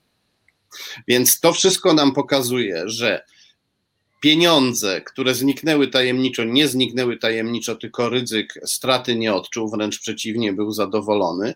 Uczestniczyli w tym ludzie o wschodnich powiązaniach i często politycy, którzy zdają nam się być ostoją antyklerykalizmu, wcale być nią nie muszą. No właśnie, to jest też e, coś, e, co jest taką linią narracyjną Twojej książki, to znaczy mm, udowadniasz, e, mm, pokazując fakty i też argumenty, stawiając wiele pytań, że mm, tak naprawdę linią melodyczną e, Radia Maryja i e, Tadeusza Rydzyka jest bycie zawsze antyeuropejskimi, i często prorosyjskimi, chociaż te akcenty są rozkładane rozmaicie w zależności od sytuacji i często, mm, często też tłumaczysz, e, że często taki rzekomy e, antyrosyjski wydźwięk Radia Maryja realnie służy interesom Kremla. Czy możesz nam powiedzieć o tym trochę? No, e, tych, e, w książce to jest przeanalizowane. E, u Rydzyka przez całe lata nie było niemal żadnych akcentów antyrosyjskich. Jeżeli się pojawiały jakieś, to raczej po to, żeby wmawiać ludziom, że nasi zachodni sojusznicy zdradzili nas na rzecz Rosjan, czyli po to, żeby oddalić nas od zachodnich sojuszników, czyli znowu po to, żeby zrobić przysługę Rosji, no bo Rosja chce nas od tych sojuszników oddalić i nie ma problemu z tym, żeby nawet występować w roli straszaka w tym przypadku. E, mm, to się e, zmieniło po katastrofie smoleńskiej o tyle, że o tyle się zmieniło, że tych wątków pojawiło się więcej, wątków antyrosyjskich, ale ton pozostawał ten sam. Wmawiano nam, że Rosjanie zabili nam prezydenta, a NATO nic z tym nie robi, więc to NATO jest złe, nie można mu ufać, trzeba się oddzielić od NATO co jest oczywiście wymarzonym prezentem dla, prezentem dla Rosji, bo wtedy wpadlibyśmy, e, Rosji w ręce całkowicie bez, bez jakiejkolwiek obrony. I tutaj warto przywołać znakomitą książkę Grzegorza Rzeczkowskiego Katastrofa posmoleńska, gdzie on pokazuje, jak po katastrofie smoleńskiej portale powiązane z Rosją, rosyjskie trolle, tajemniczy rosyjscy informatorzy zaczęli w Polsce rozsiewać informacje o tym, jakoby katastrofa była wynikiem rosyjskiego zamachu. Rosjanie mieli z tego same korzyści, bo e, e, e, na Zachodzie nikt w to nie wierzył, i, a Polacy występowali wtedy w ten sposób. Polacy, którzy wołali o rosyjskim zamachu, występowali w roli antyrosyjskich, rusofobicznych oszołomów. I e, bardzo i, i, i łatwo było w ten sposób skłonić Zachód, żeby zatkał sobie uszy nawet na, e, również na te ostrzeżenia, które dotyczyły Putina i które formułowali Polacy, a które były racjonalne i e, ugruntowane. Przylepiono nam w ten sposób maskę szaleńców. Tutaj Antoni Macierewicz też bardzo się starał, żebyśmy tak wyglądali. Mnie strasznie boli, kiedy widzę, jak przeciwnicy Macierewicza i PiS ciągle e, nazywają Macierewicza szaleńcem, wariatem, usiłują się z niego wyśmiewać. Proszę Państwa, to jest znakomity aktor, a przede wszystkim to jest e, straszny szkodnik, który powinien wielokrotnie stanąć przed sądem i odpowiedzieć za rzeczy, które zrobił. To jest świetny gracz, to nie jest żaden wariat i za każdym razem, gdy się śmiejemy z niego, że jest wariatem, to mu pomagamy, bo on dokładnie tak chce, żebyśmy o nim myśleli, bo wtedy go lekceważymy. I e, drugą korzyść, jaką miała z tego Rosja, to było to, że e, mit zamachu smoleńskiego bardzo osłabił polskie społeczeństwo, bo je rozbił na dwa wrogie plemiona, które się nienawidzą lub sobą gardzą, lub właśnie wyśmiewają się z siebie.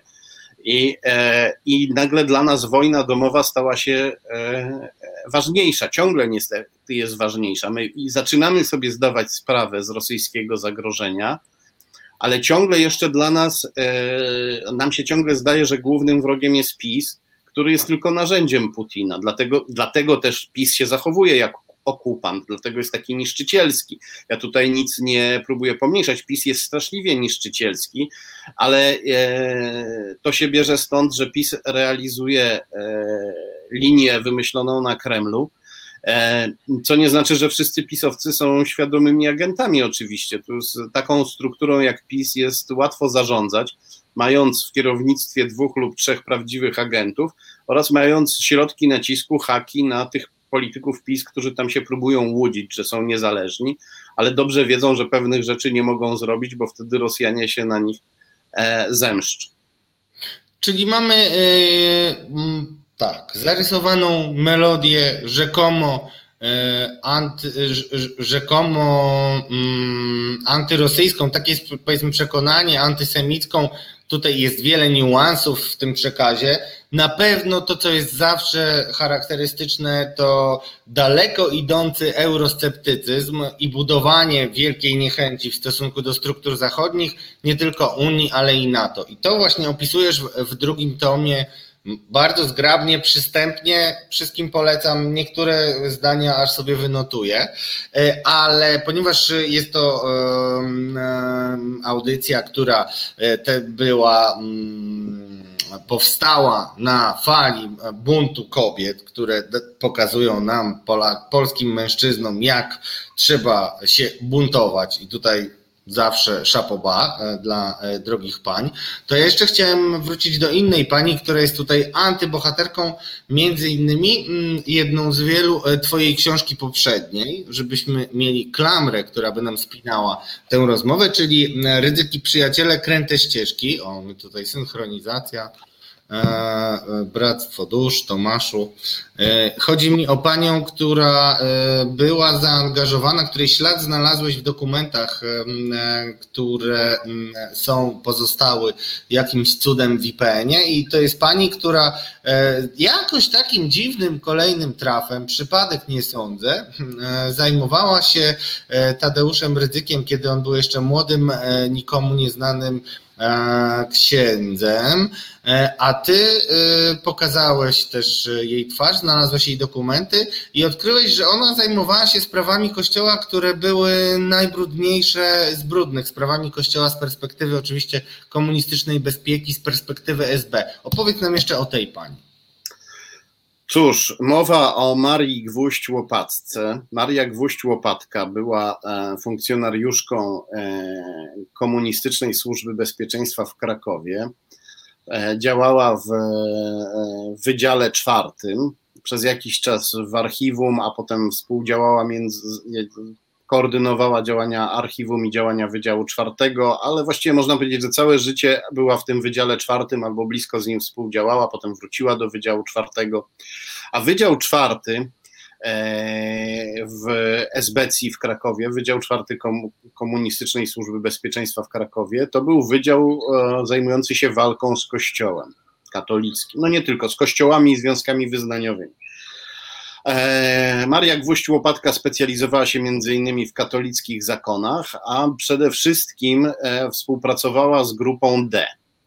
E, grupa D działała wewnątrz Wydziału Czwartego. Wydział Czwarty był jednostką brudną i współpracującą ze służbami sowieckimi, a grupa D wewnątrz Wydziału Czwartego najściślej współpracowała z, ze służbami sowieckimi i była najbrudniejsza, ponieważ mordowała księży, biła ich, szantażowała, produkowała fałszywe materiały, które ich kompromitowały. Gwiazdą grupy D był Grzegorz Piotrowski, morderca księdza Jerzego Popiełuszki. Współpracował e, z nim w e, Krakowie Kazimierz Aleksanderek, który był bezpośrednio szefem i promotorem Marii Gwóźdź-Łopatki. Marię Gwóźdź-Łopatkę grupa D obdarzała ogromną ogromnym zaufaniem, ponieważ powierzono jej dokumentowanie działań grupy D e, na terenie krakowskim, a tych działań nie dokumentowano albo bardzo ostrożnie je dokumentowano, ponieważ były super tajne. No, wiązały się z mordowaniem ludzi, na przykład biciem, włamaniami. E, to, to powiedz nam dokładnie, y, co ją wiąże z Tadeuszem Rydzykiem, bo to jest postać y, no, z piekła rodem. Już nie żyje, więc pewnie tam zamieszkała, moim skromnym zdaniem. Ale y, co ją wiąże z Tadeuszem Rydzykiem? Nie wiem, czy to jest postać z piekła rodem. Postacią z piekła rodem na pewno jest Piotrowski i na pewno jest Kazimierz Aleksanderek, który jeszcze niedawno groził dziennikarzowi, który próbował E, wyjaśnić jakieś kwestie z jego przeszłości. To były bardzo ciężkie, ciężkie groźby. Maria Gwóźdź-Łopatka była e, osobą bardzo zdolną, która można powiedzieć w tamtym okresie przebiła szklany sufit. No niestety e, e, niewiele było w SB w ogóle ścieżek kariery, w których można było sobie nie pobrudzić rąk, a na pewno a kobiecie pewnie było jeszcze trudniej E, e, ale nie da się ukryć, uczestniczyła w rzeczach e, strasznych, w rzeczach, które były z piekła, z piekła rodem. A, ale mimo, że uczestniczyła, w, brała udział w zwalczaniu księży najkatolickich, tych niepokornych, tych, którzy walczyli z systemem, tych, którzy w jakiś sposób walczyli o wolność, bo tu trzeba przypomnieć, że były takie czasy, to dzisiaj się wydaje niemożliwe, ale były takie czasy, kiedy to księża byli w Polsce postrzegani jako bojownicy o wolność. I, I byli, byli bojownikami, też powiedzmy, że, że byli bojownikami. Byli bojownikami i byli ofiarami, a nie prześladowcami. Strasznie to dzisiaj trud, dziwnie brzmi, ale tak było. E, byli tacy księża odważni, e, przejęci duchem sprawiedliwości, duchem Ewangelii, i ich grupa D katowała, biła, zastraszała, kompromitowała, szantażowała. I e, w tych działaniach brała udział, przynajmniej pośrednio, ale świadomie, z pełną świadomością brała udział Maria Gwóźdź-Łopatka a równocześnie e, hołubiła ona Tadeusza Rydzyka, ponieważ e, pozwalała mu wyjeżdżać za granicę, w tym na zachód, co było wtedy przywilejem, jakiego SB udzielało niektórym. E, księża, którzy się buntowali, a Rydzyk próbował wtedy odgrywać księdza zbuntowanego, takich pozwoleń na regularne wyjazdy nie dostawali, a Rydzyk je dostawał. Jeździł do Francji, do Austrii, Włoch, do Niemiec zachodnich, które wtedy były uważane za drugiego najgorszego wroga po Stanach Zjednoczonych i gdzie, nie, gdzie ludzi ostrożnie bardzo wypuszczano. Esbecja miała tutaj duże opory z wypuszczaniem ludzi w tym kierunku, a jednak e, Rydzykowi pozwalano tam jeździć. Pojechał nawet do Indii, co było wtedy e, przywilejem niezwykłym. To ludzie wtedy tak nie podróżowali sobie jak teraz. E, nie tylko Nie. dlatego. Czyli podsumujmy, kobieta, która dokumentowała między innymi mm, różne zbrodnie, operacje specjalne SB, mm, koncentrujące się na mm, jednych z najbardziej istotnych księży w, w, walczących przeciwko y, P, władzom PRL, PRL-owskim. Jednocześnie, czyli działała w aparacie opresji w stosunku do tych księży, co do których akurat działalności nie możemy mieć zastrzeżeń i rzeczywiście Jerzy, ksiądz Jerzy Popiełuszko e, bestialsko zamordowany. E, To jest grupa e, współpracowników w ramach SB pani Łopatki, E, a jednocześnie, e, czyli tutaj mamy mm, represyjne działania, e, przemoc e, i walkę e, z takimi niepokornymi, jak to powiedziałeś, chociaż to słowo się tak mocno dzisiaj skonotowało, że powiedzmy no, dzielnymi e, e, księżmi, którzy stawiali opór PRL-owskiej władzy, a z drugiej strony ta sama kobieta z tego samego towarzystwa umożliwia podróżowanie, jak mówisz, po całym świecie, e, skromnemu e, zakonnikowi, jakim był wtedy e, szerzej nieznany Tadeusz Rydzyk. Czy ja dobrze to rozumiem? Tak. Nie była zresztą sama. Jej poprzedniczka w Wydziale Czwartym, Barbara Piórko, osoba, która miała ciężkie życiowe przejścia z katolicką rodziną i na pewno nie żywiła ciepłych uczuć do księży, również pozwalała ryzykowi jeździć po świecie, mimo że on równocześnie odgrywał księdza zbuntowanego, drukował jakieś rzekomo nielegalne ulotki, aczkolwiek jeden z zakonników wspomina, że drukował je z komunistami, nawet ze zbekami. To było w Krakowie, to, to, Tak, to też tak. To był taki epizod e, u Rydzyka. Czyli z jednej strony mamy taki wizerunek niepokornego księdza, który jakoś tam specjalnie nigdy nie ucierpiał z powodu, z powodu swojej działalności, a wręcz przeciwnie, cieszył się cieszył się na tyle dużym zaufaniem, że mm, mógł używać paszportu. Przypomnijmy, że nie można było używać paszportu, wtedy one nie leżały w szufladzie, tylko leżały w szufladzie SB, znaczy in- innych komórek e, par, e, partyjnych i można było wyjechać tylko i wyłącznie, e, jeżeli miało się taki glejt, e, że tak powiem, zaufania ze strony e, komunistycznych władz i z tego glejtu korzystał Tadeusz Rydzyk przy e, e, sympatii kobiety, która zwalczała księży. To wszystko jest bardzo niepokojącym e, obrazem. Ja Was odsyłam do lektury książek. One są komplementarne, ale są też inne. Bardzo, bardzo podobało mi się, jak prowadzisz narrację. Myślę, że dla wszystkich, którzy też nie znają Twoich poprzednich ustaleń, to będzie kompendium wiedzy i okazuje się, że wiele tych nitek spotyka się, nitek, które prowadzą nas do Rosji, spotyka się wokół ludzi związanych e, z, po, z, z ludźmi, którzy popierają prawo i sprawiedliwość i jakoś to Jarosławowi Kaczyńskiemu e, nie przeszkadza. Czy to jest taki ogólny obraz, e, który dobrze uchwyciłem, jeśli chodzi o Twoje ostatnie dwie książki o ryzyku?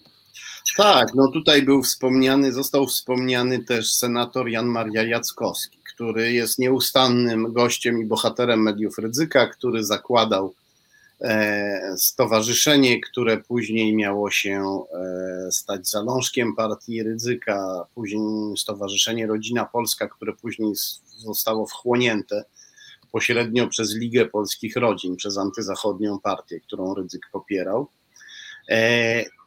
Jan Maria Jackowski budował swoją karierę tym, że wydawał bardzo dużo książek. My tych książek nie czytaliśmy, e, my, mo, my o nich nie wiemy, ale one docierały do, do katolików e, i e, on ich wydał naprawdę dużo.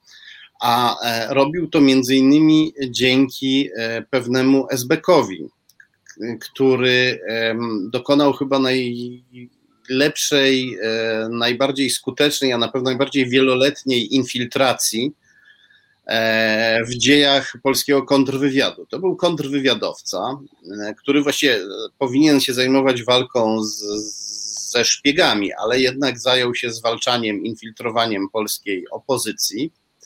E, I pod zmienionym nazwiskiem zaczął działać w podziemiu, i e, dopiero 10 lat temu mniej więcej e, ludzie odkryli, że ten człowiek, który został wydawcą, był szanowanym wydawcą, tak naprawdę nazywa się inaczej i że przybrał jako Esbek inne nazwisko dla celów infiltracji i po upadku komunizmu pozostał już pod tym nazwiskiem e, z tożsamością fałszywą opozycjonisty, wydawał książki i on też e, wydawał książki Jana Marii Jackowskiego. Nazywał się w, jednej, w jednym wcieleniu Pękalski, a w drugim Kotarski. Dobrze, e. to, to odsyłam wszystkich. To akurat senator Jackowski może być kojarzony przez e, wielu z Was, e, bo zresztą ostatnio ma taką twarz niepokornego mm, senatora, który czasami, czasami się mm, opiera różnym. Nie, nie nabierajmy się na to. Nie nabierajmy się na to. Bardzo polecam rozdział dotyczący Jana Marii Jackowskiego w tej, w tej książce. To, że ktoś ładnie wygląda, ładnie mówi i miło mówi, mówi nawet rzeczy, które czasem do nas miło brzmią, to, e, to wcale nie jest, e, e, to wcale nie znaczy, że ten ktoś naprawdę jest miły.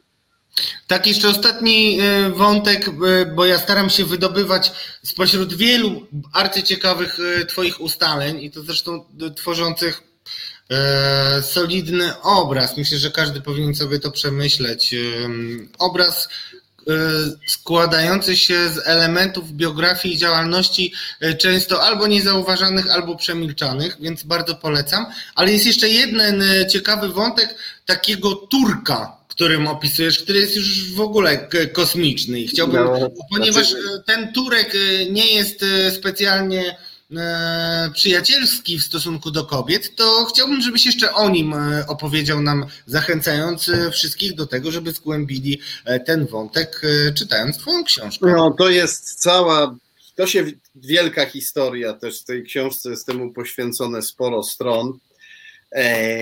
Jak wiadomo, ksiądz Rydzyk ma geotermię, ta geotermia jest oszustwem, ona wydobywa wodę z podziemi zaledwie ciepławą, trzeba ją podgrzewać przy użyciu paliw kopalnych, więc się zatruwa środowisko, a mimo to ryzyk wyłudza jeszcze na to pieniądze. Fundusze europejskie za pośrednictwem polskiego rządu na rzekomą ekologię tej geotermii, choć ona jest nieekologiczna. I tu się pojawia pytanie, czy ryzyk ma jakiegoś w ogóle geologa w swojej ekipie? Otóż ma doświadczonego geologa, który to oszustwo firmuje swoją twarzą, swoim doświadczeniem. Ten geolog się nazywa Piotr Długosz ma doświadczenie w Rosji, uczestniczył w różnych przedsięwzięciach w Rosji, w których brali udział skorumpowani ludzie Putina, ma ciekawych kolegów e, biznesowych e, ze Skandynawii, którzy też robili biznesy z Rosjanami i lansowali Rosję jako dobre miejsce do robienia biznesu, nawet po napaści Rosji na Ukrainę. Ale tenże geolog Piotr Długosz ma też niezwykłego partnera biznesowego, którym jest polski islamista. Syn, syn Polki i Pakistańczyka.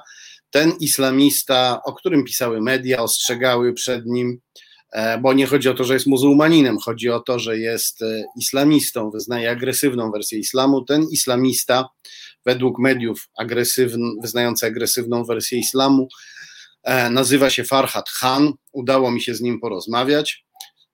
Tak się składa, że Farhad Khan wielokrotnie wyrażał aprobatę i uwielbienie dla takiego tureckiego sekciarza, który się nazywa Adnan Oktar. I raczej żaden islamista, już nie mówiąc o prawdziwym, porządnym, mm, wierzącym naprawdę e, i muzułmaninie, e, nikt, kto poważnie traktuje religię, nie powinien mieć e, nic wspólnego z Adnanem Oktarem. Adnan Oktar został właśnie skazany na ponad tysiąc lat więzienia w Turcji za gwałty, molestowanie seksualne, ponieważ Adnan Oktar stworzył sektę, która, no można tutaj znaleźć pewne paralele do działalności pewnego kaznodziei z Torunia, ponieważ ta sekta też miała swoje imperium medialne, wydawała, wydawała książki, E, I ta sekta również e, sympatyzowała z e, putinowską Rosją, ale w ramach tej sekty działy się straszne rzeczy, kobiety były gwałcone. I tak się dziwnie składa, że uwielbienie czy też aprobatę dla działań i publikacji tej sekty wyrażał islamista Farhad Khan, partner biznesowy Piotra Długosza, który jest E, geologiem e, nadwornym Tadeusza Rydzyka i który też ma swoje powiązania na przykład z Danielem Obajtkiem.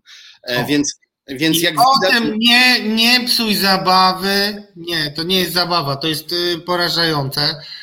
Drogi Tomku, nie, nie spoilerujemy. To jest y, kolejny wątek, który no, po prostu nie da się tego wymyślić. Kolejny raz okazuje się, że rzeczywistość e, prześciga e, fikcję. Tomku, dziękuję Ci bardzo. E, wszystkich ja zachęcam do dwóch tomów Rydzyka i Przyjaciele. Drugi tom nazywa się Wielkie Żniwo. Niedawno była jego premiera, a Tomkowi już bardzo dziękuję, bo wiesz, nie można od razu ujawniać wszystkiego. Zachęcamy do dyskusji, zachęcamy do czytania i zachęcamy do wspierania Resetu Obywatelskiego. E, dochodzenie do prawdy, audycja Tomka Piątka w poniedziałek już na antenie Resetu. A ja teraz już Tomkowi dziękuję. Dziękuję bardzo.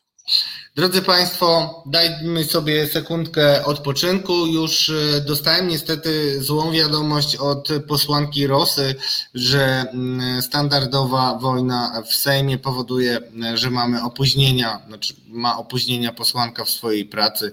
Jest kolejna awantura przy głosowaniach, w związku z czym e, na razie jeszcze Monika Rosa mm, musi oddawać się swoim podstawowym obowiązkom e, w ławach sejmowych, czyli głosowaniu i mm, e, dyskusji i debacie, ale już e, po piosence, kiedy chwilkę odsapnę, napiję się wody. Wszystkim Państwu zresztą mm, przypominam, że w upałach musimy pić dużo wody i dbać o siebie. W związku z czym tym wezwaniem przypominam, że naszą gościnią zaraz po piosence będzie pani mecenas Dorota Brejza. Poprosimy chwilkę, żeby odsapnąć muzyki.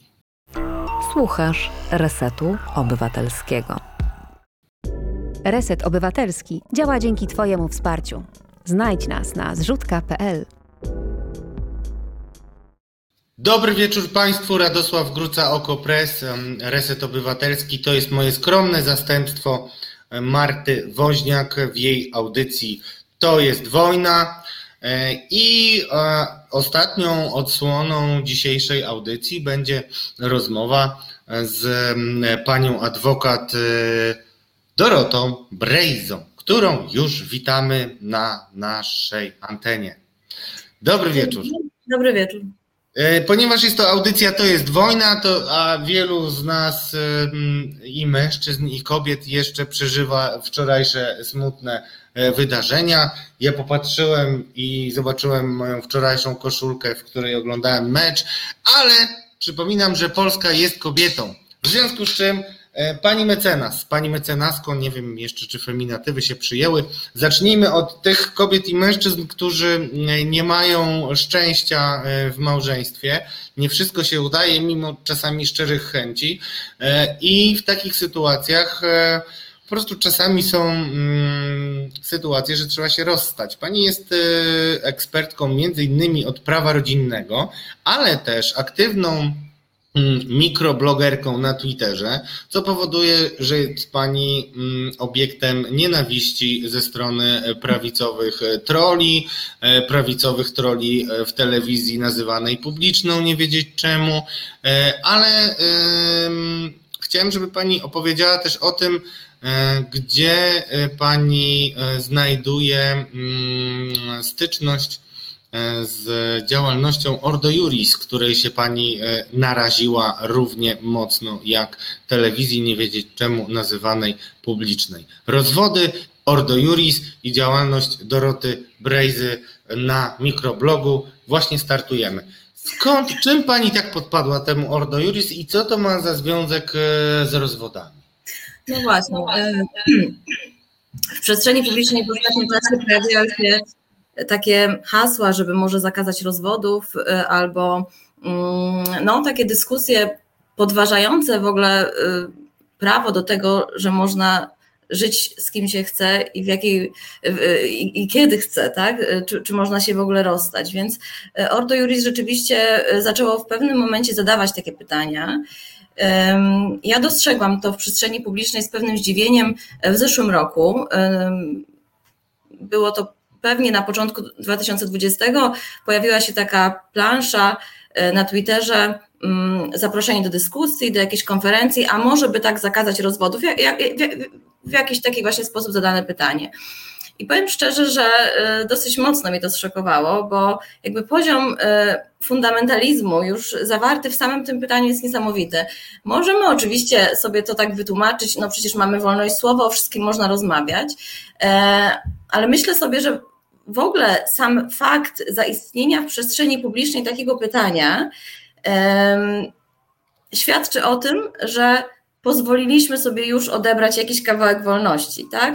E, to, że o to w ogóle pytamy i że jest możliwa taka rozmowa w przestrzeni publicznej w XXI wieku, w cywilizowanym, jakbyśmy chcieli, kraju. E, myślę sobie, że nie pozwalamy sobie na pytanie, czy kobiety dzisiaj mogą mieć prawa wyborcze nie, nie pozwalamy sobie na to, żeby taka dyskusja miała miejsce. Nie powinniśmy pozwalać sobie na pytanie, czy można bić dzieci, tak? Czy dozwolona jest przemoc czasami? Otóż ona nie jest nigdy dozwolona, nie można bić dzieci. Kobiety mają prawa wyborcze i można się rozwieść. A jednak takie pytanie się pojawia. E, pojawiają się też e, to się też nasila w ostatnim czasie, na przykład takie pytania też płynące właśnie ze strony fundamentalistów, ja ich wiążę głównie z Ordo Juris, takie pytania, jakie są społeczne koszty rozwodu, a zatem nikt dzisiaj wprost nie zadaje takiego pytania, albo może nie tyle, nie, nie stawia takiej tezy, czas już zakazać rozwodów, ale zaczyna się pojawiać takie delikatne jakby sądowanie może być, być może reakcji, tak? E, zaczyna się pojawiać takie pytanie. Więc ja się odniosłam kiedyś do takiego wpisu właśnie na stronach Ordo Juris, e, no i e, w zamian Ordo Juris zaproponowało mi pozew. Nawet zadzwonili do mnie panowie z Ordo Juris, żeby mnie o tym poinformować. Pewnie wydawało im się, że skoro oni są adwokatami i ja jestem adwokatem, to im wypada mnie uprzedzić o tym, że będą mnie pozywać.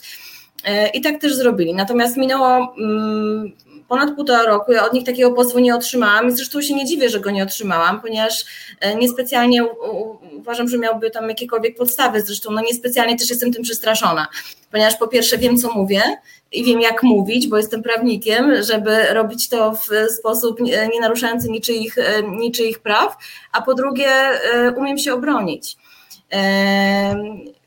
No i tyle. No, uważam, że, uważam że, że, że sam fakt pojawienia się takiego pytania jest, jest no, bardzo złym znakiem czasów.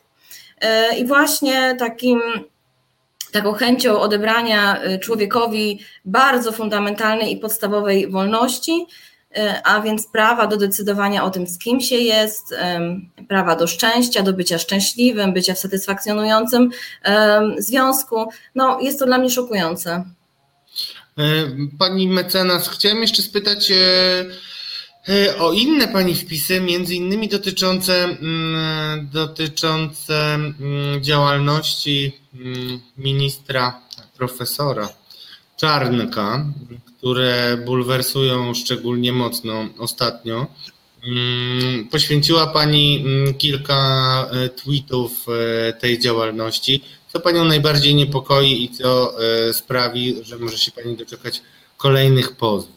Nie, nie spodziewam się pozwów. To znaczy, myślę, że pomimo tego, że dużo straciliśmy przez ostatnie lata jako społeczeństwo obywatelskie, to jednak wciąż e, myślę, że wolność słowa w podstawowym zakresie powinna się bronić sama.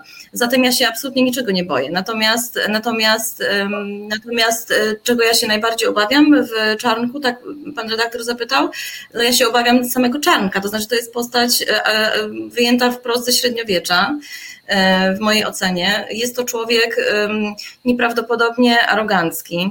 E, jest to człowiek z poglądami szkodliwymi. E, dla, e, dla, dla, dla dzieci, które no jest to minister edukacji, a zatem osoba, która, jak rozumiem, ma, powinna mieć wpływ na edukację naszych dzieci. I to jest przerażające.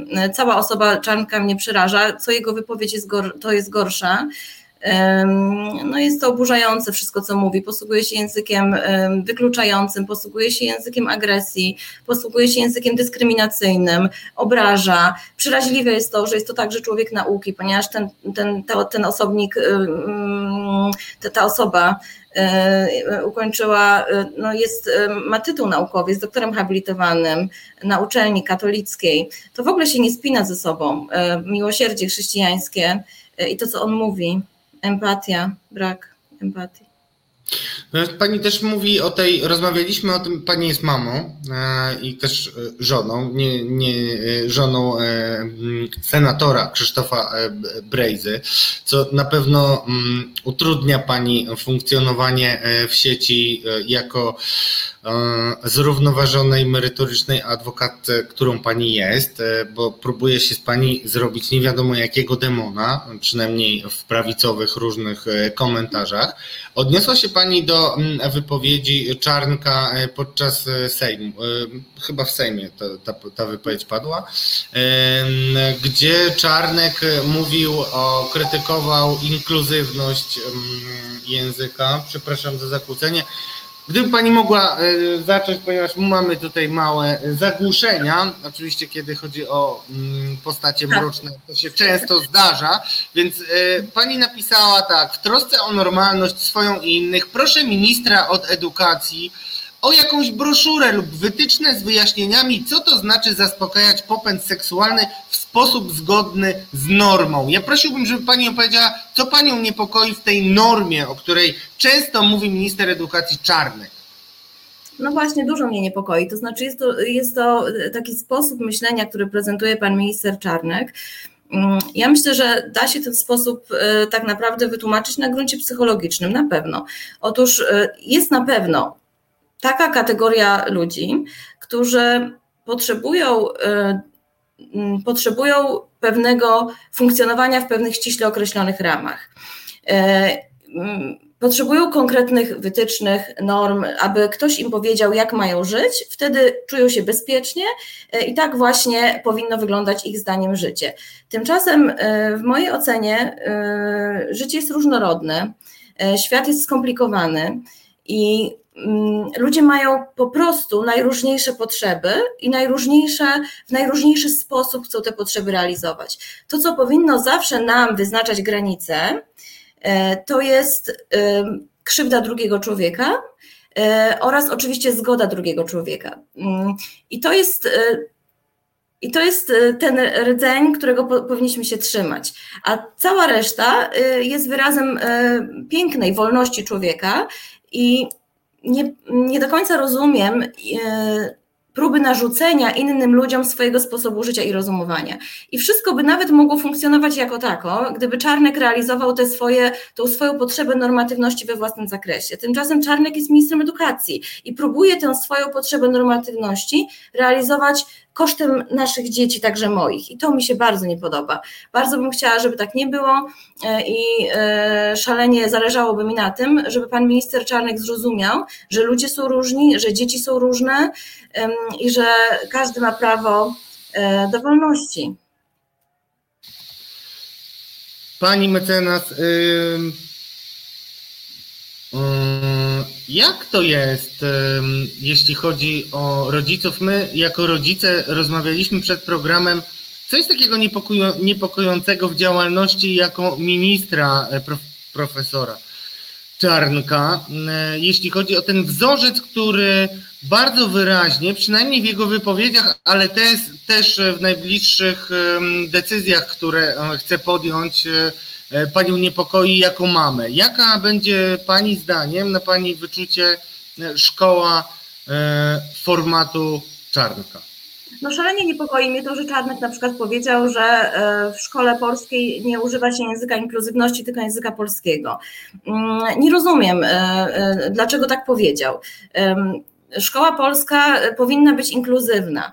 E, a mianowicie jaka? No, powinna być włączająca, powinna dostrzegać różnorodność, e, powinna dostrzegać różnorodność, to, że dzieci są różnorodne, że ludzie są różnorodni e, i powinna być dla każdego dziecka i dla każdego ucznia miejscem przyjaznym tak, aby każde dziecko mogło znaleźć w szkole bezpieczną dla siebie przestrzeń do funkcjonowania. Czasami niektóre dzieci tej bezpiecznej przestrzeni nie znajdują w domu. Chciałabym, aby każde dziecko mogło taką bezpieczną przestrzeń znaleźć w domu. E, ja pragnę swoje dzieci nauczyć otwartości na świat, e, nauczyć przede wszystkim empatii, szacunku dla różnorodności. Pragnę je nauczyć tego właśnie, że e, życie jest barwne, że trzeba z niego korzystać właśnie w tych ramach, E, gdzie granice wyznacza nam wolność drugiego człowieka i czyjaś zgoda. Nie możemy robić czegoś, na co ktoś drugi się nie zgadza i nie możemy nikogo krzywdzić. I taki powinien być e, jakby e, rdzeń naszych działań. A normy, które wymyśla pan profesor Czarnek, niespecjalnie mnie interesują i chciałabym też, żeby nie były narzucane moim dzieciom i to mnie bardzo martwi.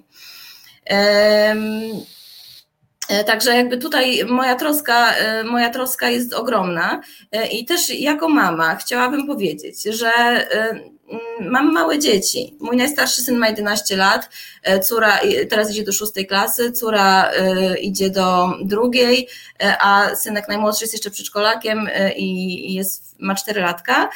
I ja naprawdę nie wiem, jaką orientacją seksualną los obdarzył moje dzieci. Ja tego nie wiem dzisiaj.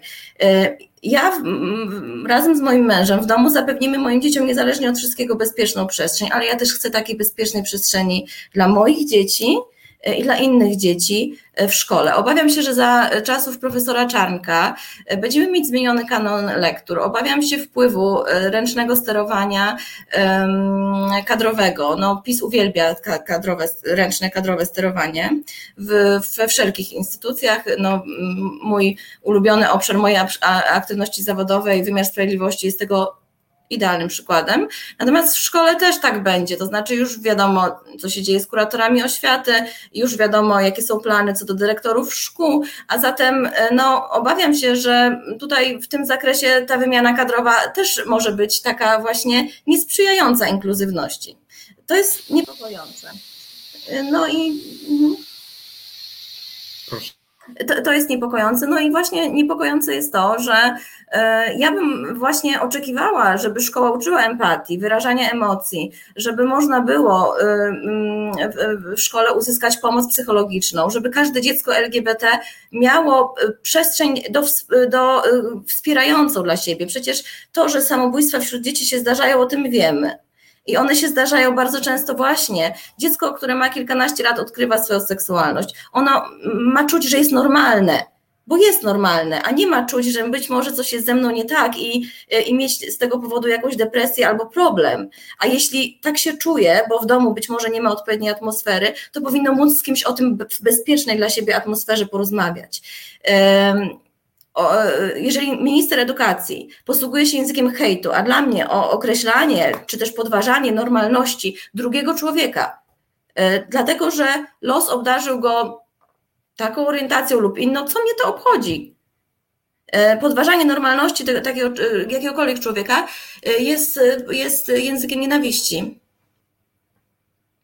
Pani pisze często o dulszczyźnie i hipokryzji e, na swoich, w swoich wpisach e, i mm, ta dulszczyzna bardzo mnie zaintrygowała, wszystkich odsyłam e, do tego, mm, co do tego przepraszam, ale mam dobrą wiadomość, właśnie dołączyła do nas pani posłanka Monika Rosa, w związku z czym to będzie nawiązanie do tego, o czym rozmawialiśmy, Pani posłanka Rosa nam opowie. Mam nadzieję, że się po, przyłączy i mam nadzieję, że panią nie przeszkadza y, współobecność. Dobry wieczór pani posłanko. Dobry wieczór, bardzo mi miło. Witamy z Sejmu. E, rozmawialiśmy no, o działalności ministra Czarnka. E, chciałbym bardzo, żeby Pani opowiedziała o tym, co się stało wczoraj, bo też e, pisała Pani o tym na Twitterze. Co się stało, kiedy występowała Pani koleżanka z innego ugrupowania i jaka była reakcja posłów Prawa i Sprawiedliwości, bo to jest wydarzenie, którego nie powinniśmy przemilczać. Minister Czarnek mnie po raz kolejny udowadnia, że jest po prostu zwykłym homofobem i co więcej jest chyba z tego powodu dumny. Natomiast sam fakt tego, że gdy na mównicy sejmowej występuje posłanka, która mówi o tym, e, jak straszne słowa nienawiści kieruje wobec osób ze społeczności LGBT, pan minister Czarnek, jak bardzo źle to wpływa na młodzież, która odkrywa swoją seksualność, tożsamość płciową, orientację seksualną, że myśli depresyjne, samobójstwa, czyli takiej młodzieży naprawdę zbierają potężne żniwo i y, podczas tej wypowiedzi posłowie i posłanki PiS brawami dla ministra Czarnka próbują posłankę Dziemianowicz-Bąk y, po prostu zagłuszyć. Tak jakby nie chcieli usłyszeć prawdy, że sieją nienawiść i ta nienawiść niestety zbiera żniwo w postaci tragedii konkretnych osób. Te tragedie mają konkretne imiona. E, I niestety będzie coraz gorzej, bo minister Czarnek nie dość, że nie wycofuje się swojej wypowiedzi, to jeszcze ma wsparcie swoich kolegów partyjnych. To, co było takie bolesne, to to, że to buczenie trwało właśnie kiedy e, pani posłanka przypominała mm, dramat e, tych dzieci. Jak to jest potem, e, kiedy kończą, kiedy kamery zostaną wyłączone i zostajecie sami w kuluarach? Jak można mm, ze sobą normalnie po takich scenach rozmawiać, pani? No, oczywiście bardzo ciężko i e, to jest oczywiście tak, że pewnie część z posłów i posłanek PiSu pewnie nie ma takiego zdania, czy takiej opinii nie wyraża jak minister Czarnek. Natomiast no, to jest po prostu jakiś instynkt stadny. Skoro pan każe, to wszyscy biją brawa. Skoro pan każe mówić, że LGBT to ideologia, to wszyscy tak mówią. I, I to jest przede wszystkim oburzające. Brak jakiegoś takiego myślenia o godności ludzkiej i o tym, że te słowa naprawdę prowadzą e, do realnych tragedii. E, I taka współpraca później w komisjach czy w Sejmie jest po prostu bardzo ciężka. Wcale się nie dziwię. E, na koniec, e, drogie panie, w ten upalny dzień chciałem spytać, czy myślicie, że jest jakiś horyzont teraz? Mamy pandemię, a ja staram się być rzecznikiem zgody. Przede wszystkim czy wyobrażacie sobie Panie taką sytuację, kiedy coś może nas zjednoczyć, bo dzisiaj jesteście gościniami programu To jest wojna, ale y, trzeba umieć ze sobą rozmawiać. Czy to jest w ogóle możliwe, drogie Panie? A teraz oddaję głos Pani mecenas Brezie jako pierwszy. No wydaje mi się, że w gruncie rzeczy odpowiedź na to pytanie powinna być dość prosta, bo sądzę, że powinniśmy E, jednoczyć się wokół pojęcia empatii. E, środowiskom lewicowym albo ogólnie środowiskom, które są wrażliwe na, na, e, na tematykę LGBT, no, wydaje mi się, że one właśnie idą pod patronatem słowa empatia. Tymczasem środowiska, które są związane z ministrem Czarnkiem, w sferze przynajmniej deklaratywnej także powinny kierować się empatią. Oni to nazywają chrześcijańskim miłosierdziem. Zatem myślę, że teoretycznie punkt styczny jest. Natomiast w praktyce tego punktu stycznego nie ma, a mianowicie z tego powodu, że mm, e, e, środowisko, które reprezentuje minister Czarnek, e, ono tą swoją normatywność, tutaj odwołuje się też do tej dulszczyzny, o której pan redaktor mówił, tą swoją normatywność mają w gruncie rzeczy tylko w sferze deklaratywnej, a w sferze praktycznej jest tam ogromna ilość hipokryzji, ponieważ to tam też są ludzie LGBT. A zatem ja nie mam optymistycznych wniosków, jeśli chodzi o tutaj pytanie pana redaktora, myślę, że jesteśmy społeczeństwem ogromnie podzielonym na wielu obszarach. Bardzo bym sobie życzyła, żeby łączyła nas empatia, mm, e, ale e, niestety nie mamy wpływu na to. E, nie mamy wpływu na wszystko. Trudno mi jest odpowiedzieć na to pytanie, czy nas cokolwiek jest w stanie połączyć. Nie wiem tego. No właśnie, trudno znaleźć ten dialog, ale pamiętajmy, żeby widzieć drugiego człowieka, nawet no. w tych ludziach, którzy nie są w stanie i nie są skłonni się z nami zgodzić. Ja podziękuję już pani mecenas Brezie za rozmowę. Dziękuję bardzo, bo obiecałem kiedyś już pani posłance Rosie, że będzie mogła przyjść do nas z pozytywnym przekazem. Pani posłanka jest jedną z osób, które nadzorują ideę E, pewną światłą, o której teraz Pani e, ucieleśnieniu będzie mogła powiedzieć. Mianowicie jest taki specjalny sklep w Warszawie, e, który zaczął działać i jest zupełnie niezwykłym miejscem. W związku z tym, że mm, zawsze staram się szukać jakichś pozytywów, nawet w najgorszych momentach, to chciałbym, żeby Pani pochwaliła tę inicjatywę i powiedziała o tym specjalnym sklepie, Pani dziękuję i bardzo się cieszę, że mogę o tym sklepie inicjatywie opowiedzieć, e, bo to jest coś więcej niż sklep. Ale zacznijmy od początku. Pomysł sklepów socjalnych, bo o nich mowa, e, od 30 lat jest z powodzeniem realizowany w Wiedniu. W Polsce pierwszy taki sklep powstał e, parę miesięcy temu w Katowicach, drugi parę dni temu otworzyliśmy w Warszawie. Sklepy są koordynowane, otwierane i wdrażane przez Fundację Wolne Miejsce we współpracy z samorządami i samorządowcami. E, I o co chodzi w takim sklepie? Jest to miejsce, e, do którego trafiają e, pełnowartościowe towary, zarówno środki chemiczne, jak i spożywcze, krótkiego i dłuższego terminu ważności, ale właśnie takie, których supermarkety albo sklepy nie chcą. Nie chcą ich, ponieważ jest jakaś końcówka partii, nie chcą ich, ponieważ się nie sprzedają, nie chcą ich, ponieważ jest, zbliża się koniec terminu ważności, ale wciąż są to produkty pełnowartościowe i można je kupić.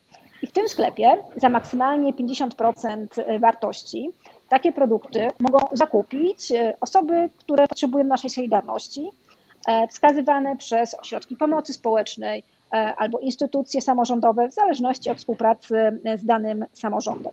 Co jest ważnego w tym sklepie? Po pierwsze to, że ludzie przychodzą z własnymi pieniędzmi, mogą za połowę ceny albo nawet mniej kupić produkty, wybrać je spółek, bo to jest naprawdę bardzo ładny lokal. E, wygląda dokładnie jak supermarket, e, więc nie ma takiego poczucia, że jest to jakaś pomoc społeczna. Wybierają sobie, czego potrzebują, idą do kasy i płacą maksymalnie połowę wartości tego towaru.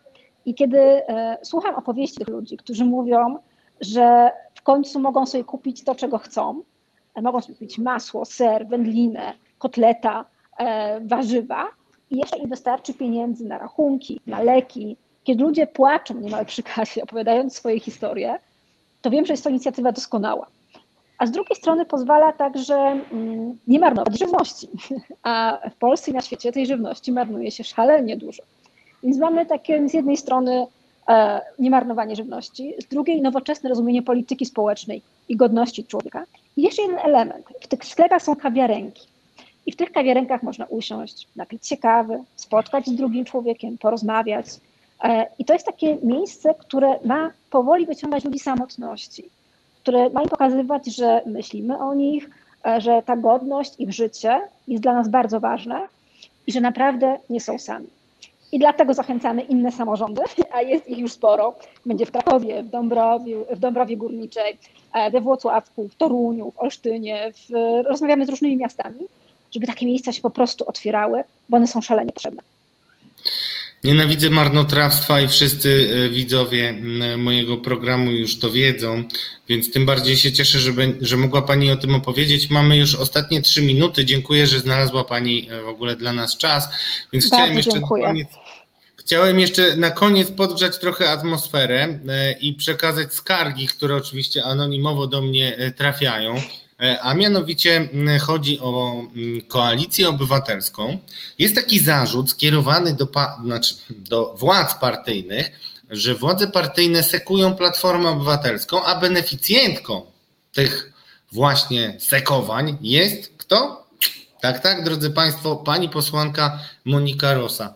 E, pani jest posłanką nowoczesnej. E, mało kto o tym, znaczy często się o tym zapomina, E, chciałem spytać, jak pani podchodzi na koniec do możliwego powrotu e, Donalda Tuska? Bo mówi się o tym, że wy jesteście, nie jesteście z platformy, lansują was e, władze platformy, pani jest wymieniana jednym tchem obok między innymi Pawła Kowala, co jest trochę paradoksem, bo to jest też asumptem do tego, żeby twierdzić, że Platforma Obywatelska skręca w lewo za pani pośrednictwem, także niech pani wie, że to jest pani wina, bo zawsze e, wina jest kobiet na koniec. E, to oczywiście ironia. Jak pani podchodzi do tego rycerza na białym koniu? Jest pani młodą generacją polityków. E, nie była pani nawet, miała, nie miała pani nawet szansy zasiadać w ławach poselskich z Donaldem Tuskiem.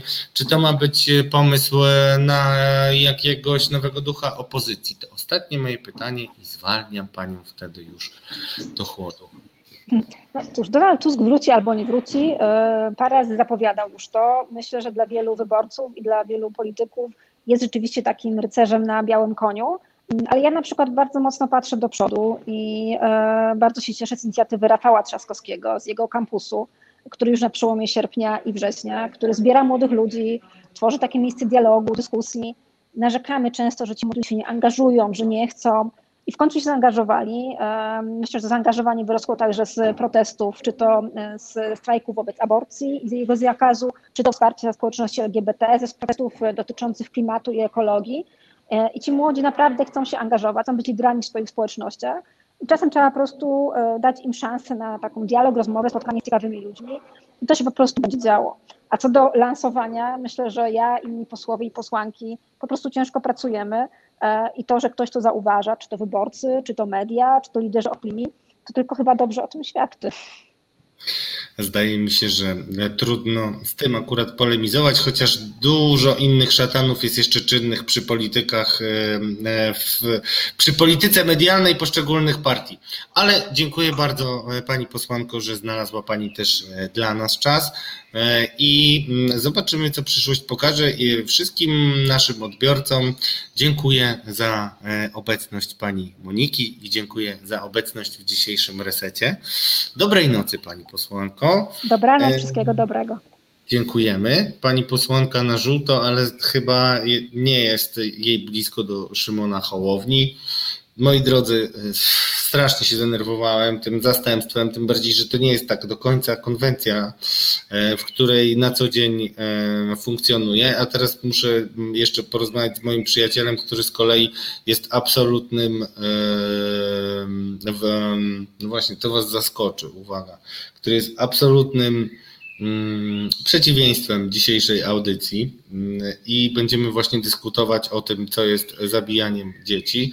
Dzięki temu będziemy szukać też rzeczy, które mogą nas, e, e, mogą nam pozwolić zrozumieć swoje racje. I wszystkich Was do tego zachęcam, bo wojna jest tylko metaforą, a tak naprawdę wszyscy powinniśmy dążyć do tego, żeby znaleźć wspólny język, moi drodzy.